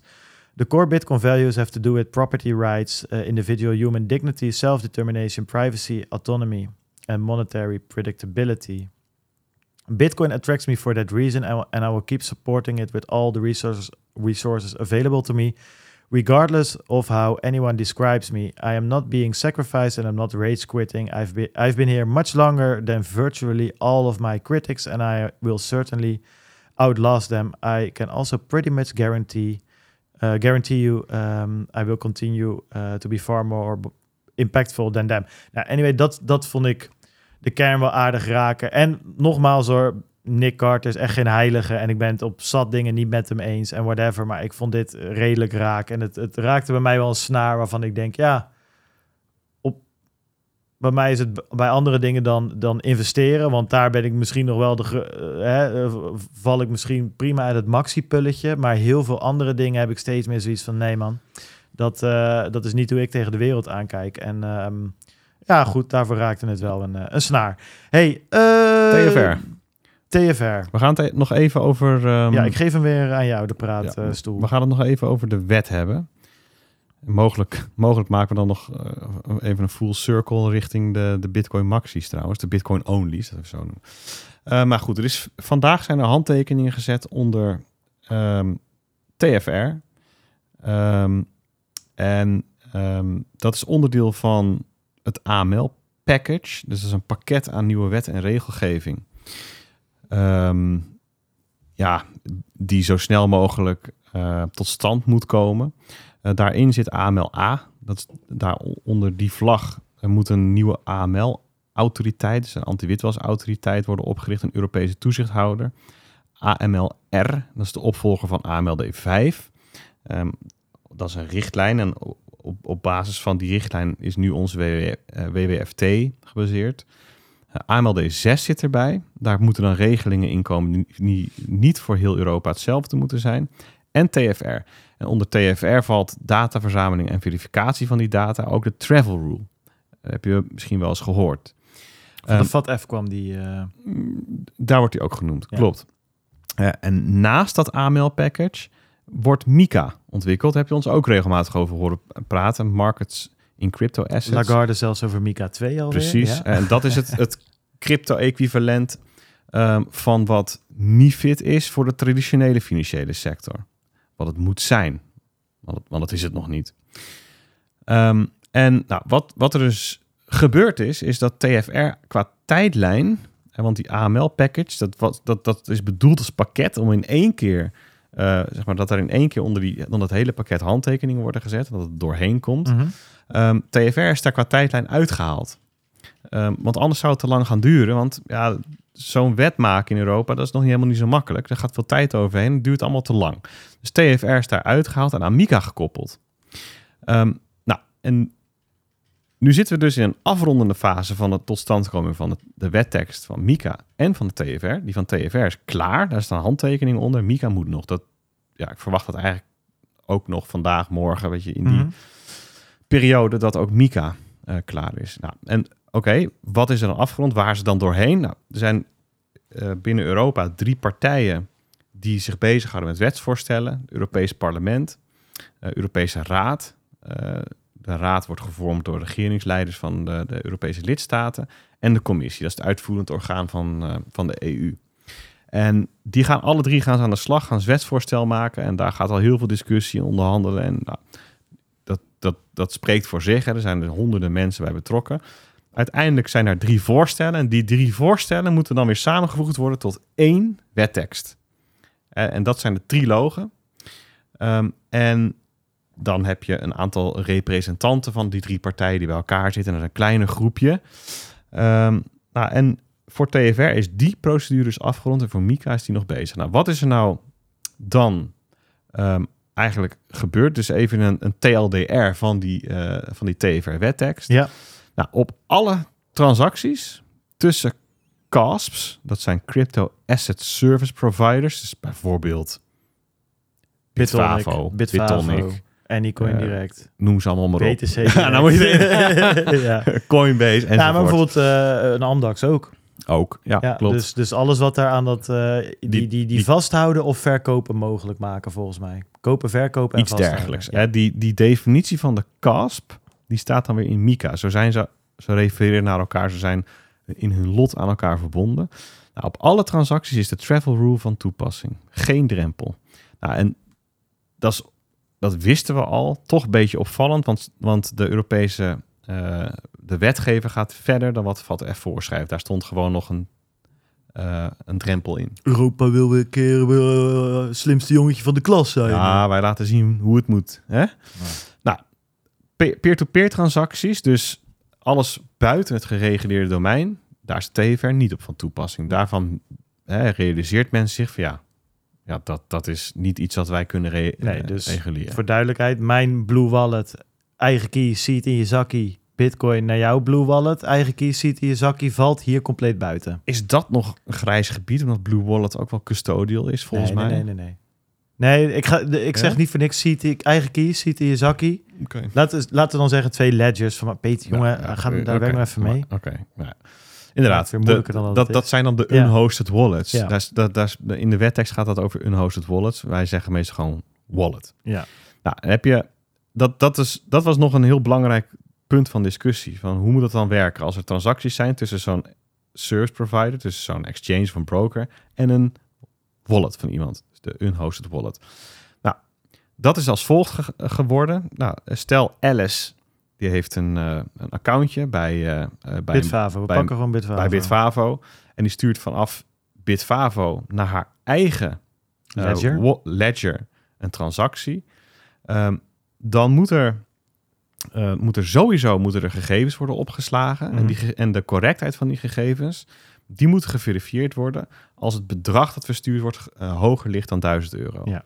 En dat is risicogebaseerd, tussen haakjes. Ja. Als Alice nou een transactie maakt naar een derde, hoeft die verificatie niet. Dus er moet wel data opgeslagen worden, voor zover dat mogelijk is. Maar die verificatie hoeft niet, want ja, je kunt die derde niet verifiëren, want dat is een derde. Hè, dus dat, dat, dat is de gedachte. Ik ga niet inbreken, ik Ja. eh, kom er zo op terug. Ja.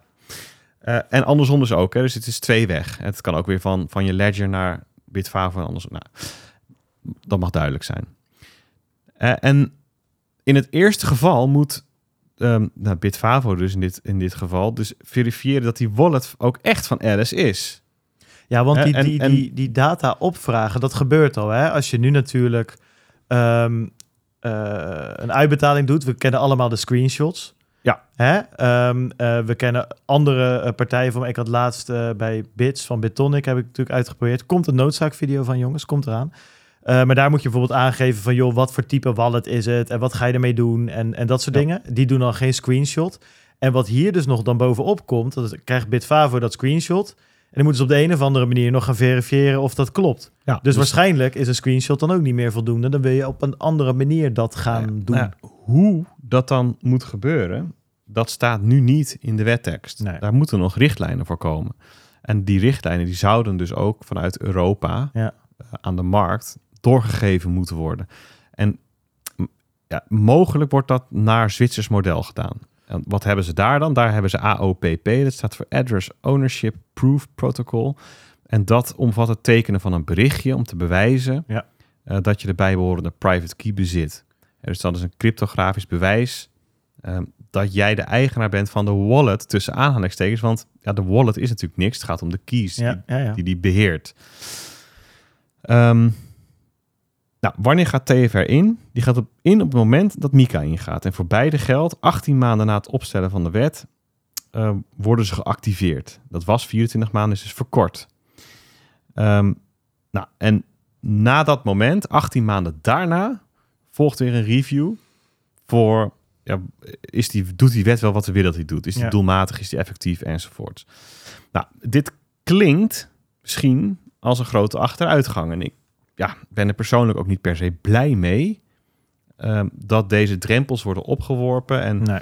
en dat er best wel wat discrepantie zit tussen de wettekst en hoe de technologie werkt. Eh, ik heb hier echt veel op- en aanmerkingen op. Maar ik ben enigszins opgelucht dat het niet zo is geworden zoals het tot eigenlijk vrij kort nog voor het moment dat de handtekeningen zijn gezet. ehm, eh, zo was. De wetteksten waren namelijk nog een stuk lelijker. ja. Eh, Er waren geen. Wat voor manier? eh? Nou, die, die, ehm, die drempelwaarde voor de verificatie van ehm, tussen de, de service provider van Alice en de eigen eh, eh, ledger, Ja, eh, die was er niet. Het was gewoon 0 euro. ja dus, Dus elke transactie. elke, dus microbetalingen zouden niet kunnen. En, nou, en, de, en dezelfde eisen worden opgelegd aan derde partijen, die je per definitie niet kunt verifiëren. Dat, Nee. dat bestaat niet. Er, is niet zoiets als een, als een wallet, als, als ding. En die kan ook niet zeggen, ik ben, ik ben die en die. Nee, dan heb je het echt over, over machines. Dan, Zeker niet als als de Nee, smart contract Nee, is, of het, of, het, of het is inderdaad een machine waarmee gesproken wordt. Nou, dat, dat, die realisatie is er dus wel in verwerkt. Was niet zo. En dus het, ja. Machines zijn misschien nog met whitelist. Maar ik ga, ik ga de te- techniek in. Dat heeft geen zin. Nu niet in ieder geval.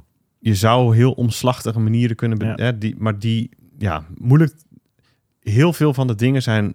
Je zou daarmee de geest eigenlijk uit, uit de technologie halen. Ja. Eh, echt decentrale in, eh, interactie tussen centrale partijen en decentrale partijen wordt dan eigenlijk onmogelijk. Dat is wel overeind gebleven en daar ben ik dan wel weer blij mee. Ehm, nou, en waarom? Dat is ook een relevante vraag die best wel is langs is gekomen. Waarom is er nu haast? Nou, dat heeft dan mogelijk te maken met ehm, Terra, Celsius, weet je, de, de teloorgang van allerlei entiteiten in de Mhm. cryptowereld. Nou, dat, daar is de politiek natuurlijk ook van op de hoogte. We hebben de opkomst van stablecoins, dat wel eens genoemd wordt, en de groei ervan naar, naar grote omvang. Ja. Maar je hoort ook ehm, de oorlog en sancties en de mogelijkheid dat sancties omzeild worden. Mhm.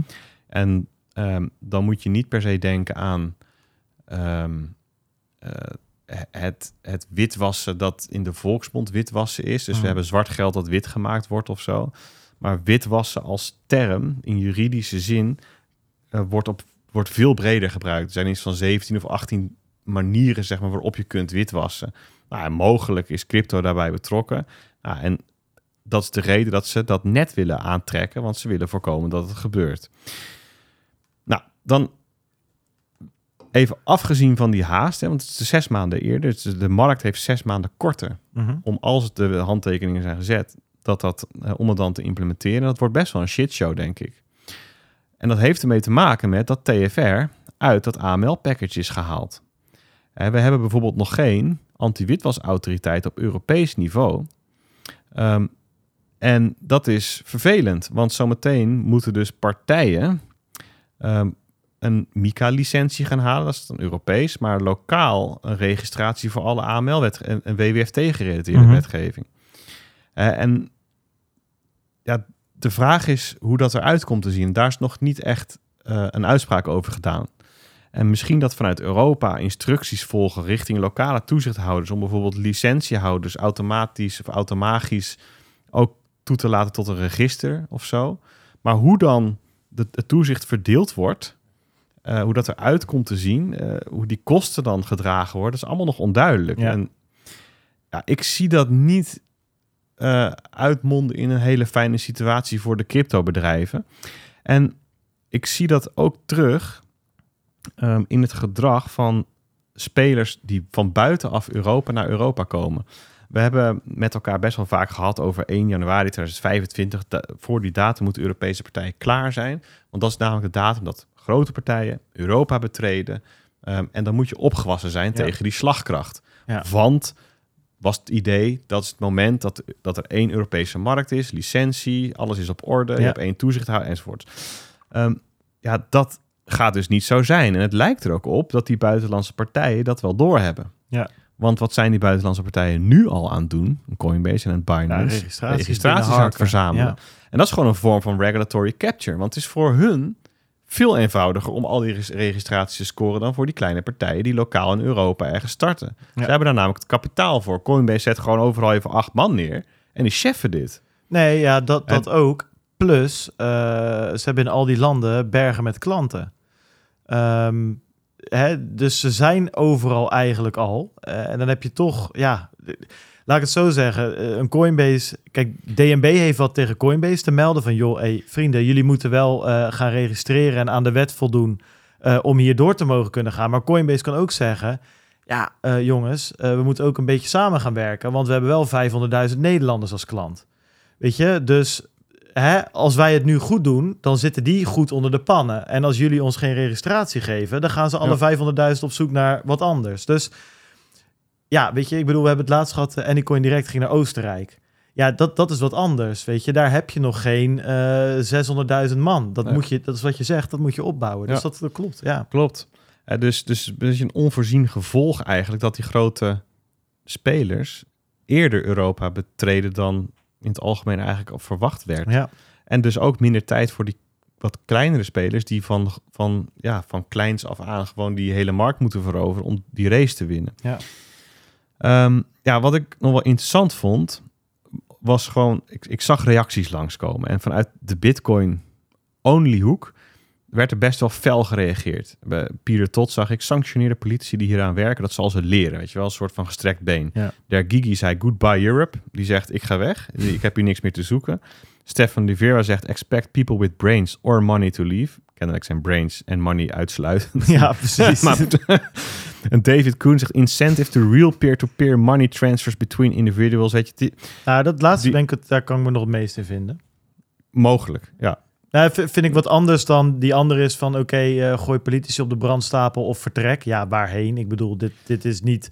Waar wil je heen? Naar de maan of zo? Ergens waar geen eh, eh, wet en politici bestaan. maar hier zat wel, ja, dat kan jij niet zien, maar hier zat tekst omheen, context omheen van ja, goed. Niet het Bitcoin de- is bedoeld als ehm, geld dat buiten de, ge- de, de gereguleerde eh, systemen om gebruikt zou moeten worden. Zo Mhm. ga je naar de, de, naar, naar de bedoeling ervan. Dus eigenlijk ontrokken aan de staat en ontrokken aan de maatschappij. Ja. Nou, ik, ik zag ook reactie vanuit mensenrechtenhoek. Nou, dan, dan heb ik aan de Lely natuurlijk genoeg. Hij zit in de chat. Shout-out naar Simon. Precies. En ehm, Simon die zei: European Parliament suggested a zero euro limit for checks on unhosted wallets and reverted to the FATF level of 1000 euro slash dollar. Still a disproportional and human rights violating bit of legislation if you ask me. Next stop in due time. European Court of Justice. Ja. Daar ben ik het dan wel weer mee eens. En dus dit gaat ehm, over manieren waarop je binnen een rechtsstaat ehm, aan de kaak kunt stellen, is alles wel volgens de regels verlopen. Ja. Dus aan, aan zo'n eh, re- eh, rechter kun je vragen, zijn hier alle grondrechten van mensen en alle belangen op de juiste manier afgewogen? Ja. Of, ehm, eh, is, zijn, of worden hier bochten afgesneden in deze wet? En dat is een manier natuurlijk om een wet aangepast te krijgen. Of te vertragen of aan inhoud te, veranderen. Legitiem, hè, want misschien is privacy van mensen wel onvoldoende afgewogen. Ja. Of is de massasurveillance die hier eh, zeg maar het gevolg van is, want er wordt heel veel data verzameld. Mhm. Um, misschien weegt dat wel zwaarder dat we dat niet doen hè, dan de belangen die eh, hierdoor worden, eh, worden vertegenwoordigd. nou, en de full circle die ik nog wilde maken, Ja, ik wil nog wel Of, ook oh, ja, dingetje... Jij wilde tussendoor nog even een... Nou eh, ja, ik, ik vind het een fantastisch verhaal en ik hoef er ook niet heel diep op in te gaan. Maar het, wat mij, en daar hebben we vanmiddag ook een discussie over gehad. Hè? Dus even voor de duidelijkheid, CASP naar CASP, dat valt er sowieso onder. Hè? Dat is elke transactie, rule, eh, ja. ja. elke Ja. transactie moet dus eh, geverifieerd worden. Nou, dat is niet zo moeilijk, want op een gegeven moment weet Bitfavo wel wat het adres van Bitonic is of... of een andere partij. En Bitonic biedt namelijk geen wallets aan. Ik zeg, eh, ik zeg maar wat. Ja, blocks wilde ik zeggen, maar daar kan je niet versturen. Nou jongens, eh, noem maar eens één. BTC Direct. Ehm, en natuurlijk peer-to-peer. Nou, dat, dat is helemaal buiten het zicht. Dat is ook wel duidelijk. Ja. Dat was zelfs eh, de beleidsmakers duidelijk. Maar wat ik dan raar vind... en dat, dat ze in eerste instantie zeggen van... oké, ehm, als ik vanaf mijn Bitfavo-account iets verstuur naar mezelf... eh, mijn eigen hardware-wallet... of naar Peters een hardware-wallet... Hè, eh, om het even zo eh, duidelijk te maken... Ja, dat moet allemaal geverifieerd worden. En dan is het blijkbaar ze wel aan het verstand gepeuterd... dat dat sowieso heel moeilijk is.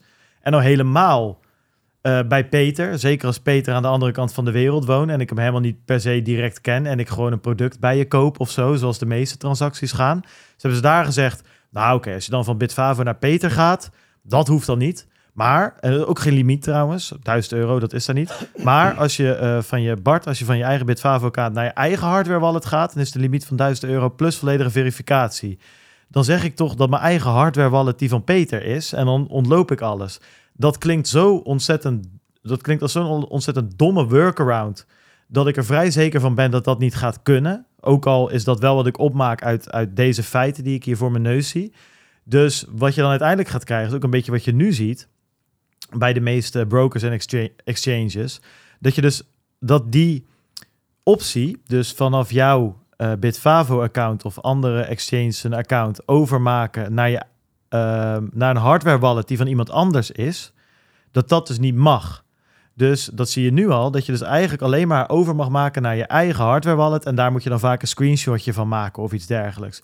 En natuurlijk, we weten, en, en dat is nog het, het domme van dit hele verhaal, alles bij elkaar. We weten dat het allemaal sowieso nergens op slaat. Want vanaf mijn eigen hardware wallet kan ik het alsnog naar Peter versturen als ik wil. Ja. Ehm, ja, dus, dus, dus dit voelt nog steeds een beetje als een ding van ja, oké, leuk dat er een beetje aan getuned is, maar daardoor slaat het nog minder ergens op op een bepaalde manier. nee, dat, dat, Eh, hè, dat is dus, lastig. Dus er zit een bepaalde mate van security theater in. ja, precies. Dat klopt. Hè? Ze hebben een poging gedaan om en ehm, begrip voor de technologie in te bouwen. Hè? Dus, dus het feit dat derden niet te identificeren of zijn en dat de gegevens niet te verifiëren zijn, daar doen ze recht aan. En op het moment dat het wel kan, willen ze dat het gebeurt.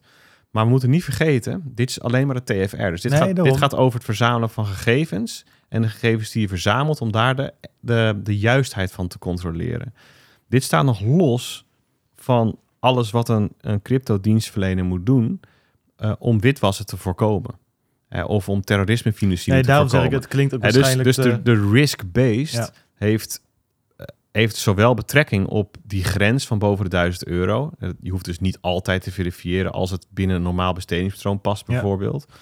Ehm, maar heeft ook betrekking op alle andere manieren waarop je kunt detecteren van hey, hier is iets aan de hand. Ja. En dus ehm, ja, als, als Pietje ehm, tien keer, eh, weet ik veel, volgens een bepaald ritme of, of, of juist willekeurig van een, of ander, van een willekeurig adres geld ontvangt ja, en dat is significant, ja, dan moet daar dus ingegrepen. nee, maar dat is Weet je, dat soort pat- patroonherkenning en die verantwoordelijkheid, eh, dat er dus ingegrepen wordt, die is er nog steeds. Nee, maar dat is da- waarom ik ook aangeef van dat je dit dus niet in isolatie moet zien en dat dit te, te dom klinkt om waar te zijn en daardoor is het waarschijnlijk ook niet waar en zal het op een andere manier eh, uiteindelijk de, hè, eh, als gebruikers ehm, ervaren. Waarschijnlijk. mijn punt is, uiteindelijk eindig je dus met al die dingen bij elkaar. Waarschijnlijk dat je ze alleen naar jezelf over mag maken. En, en ik vrees er wel een beetje voor. Maar goed, daar moeten we het later maar Nou, eens dat, over kan, hebben. dat, kan een oplossing zijn voor de term risk- risk-based. Ja, ja, En precies. dat, dat, is, dat, dat kan een makkelijke Ja. manier zijn om een stuk van de risico's af te dekken. We moeten de cirkel rondmaken, want we gaan om kwart over gaan we naar de borrel, eh Peet. Goed idee. Ja, de cirkel die ik ro- eh, eh, rond wilde maken, hè, van... ehm, Ga je nog even een klein eh, Pandora's boxje opentrekken? Nou, die, die, die reacties uit die Bitcoin-hoek, hè, dus die, die vrij principieel zijn. Hè, dus die, da- dan heb je duidelijk te maken met een ideologie. Waar ik mij vooral, wat, wat het bij mij triggerde, was samen met het verhaal van Nick Carter, daar zie je dezelfde groep. eh, in, ik geloof dat er een aantal blockchain, eh, ehm, hoe heet het, eh, blockstream eh, Ja. eh, mannen ook best wel met een gestrekt been ingingen, ook vrij ideologisch. Nou, je leest zelf de ideologie hierin terug.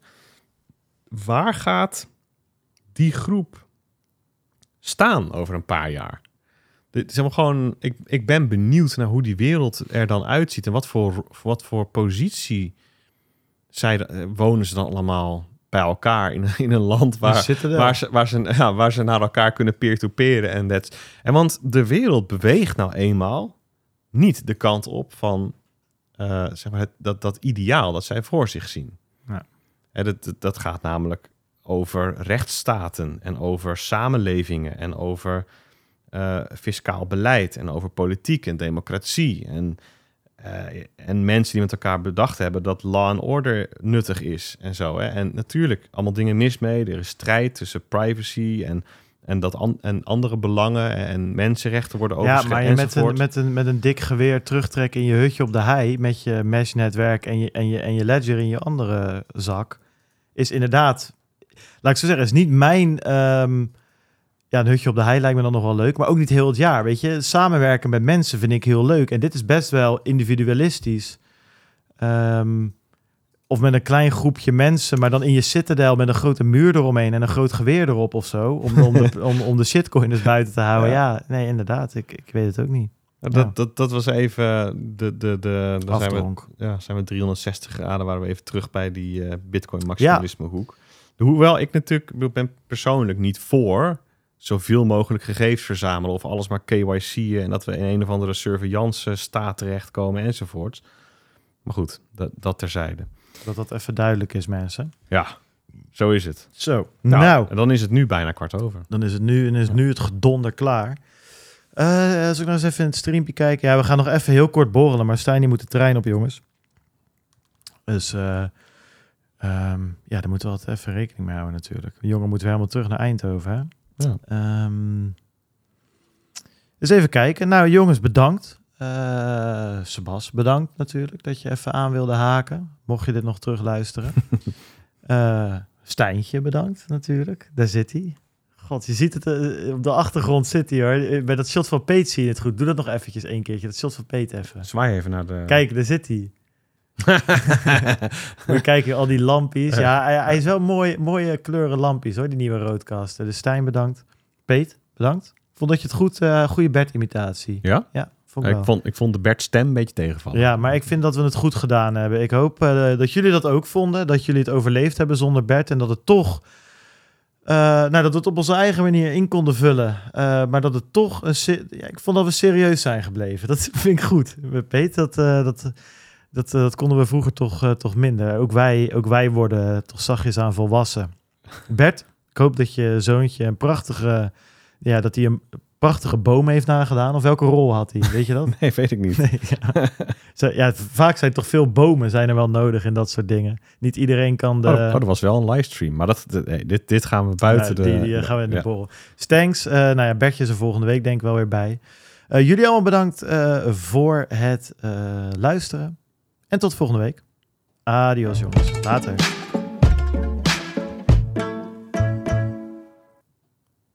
Borrel. Doe de recording maar. eh, ja.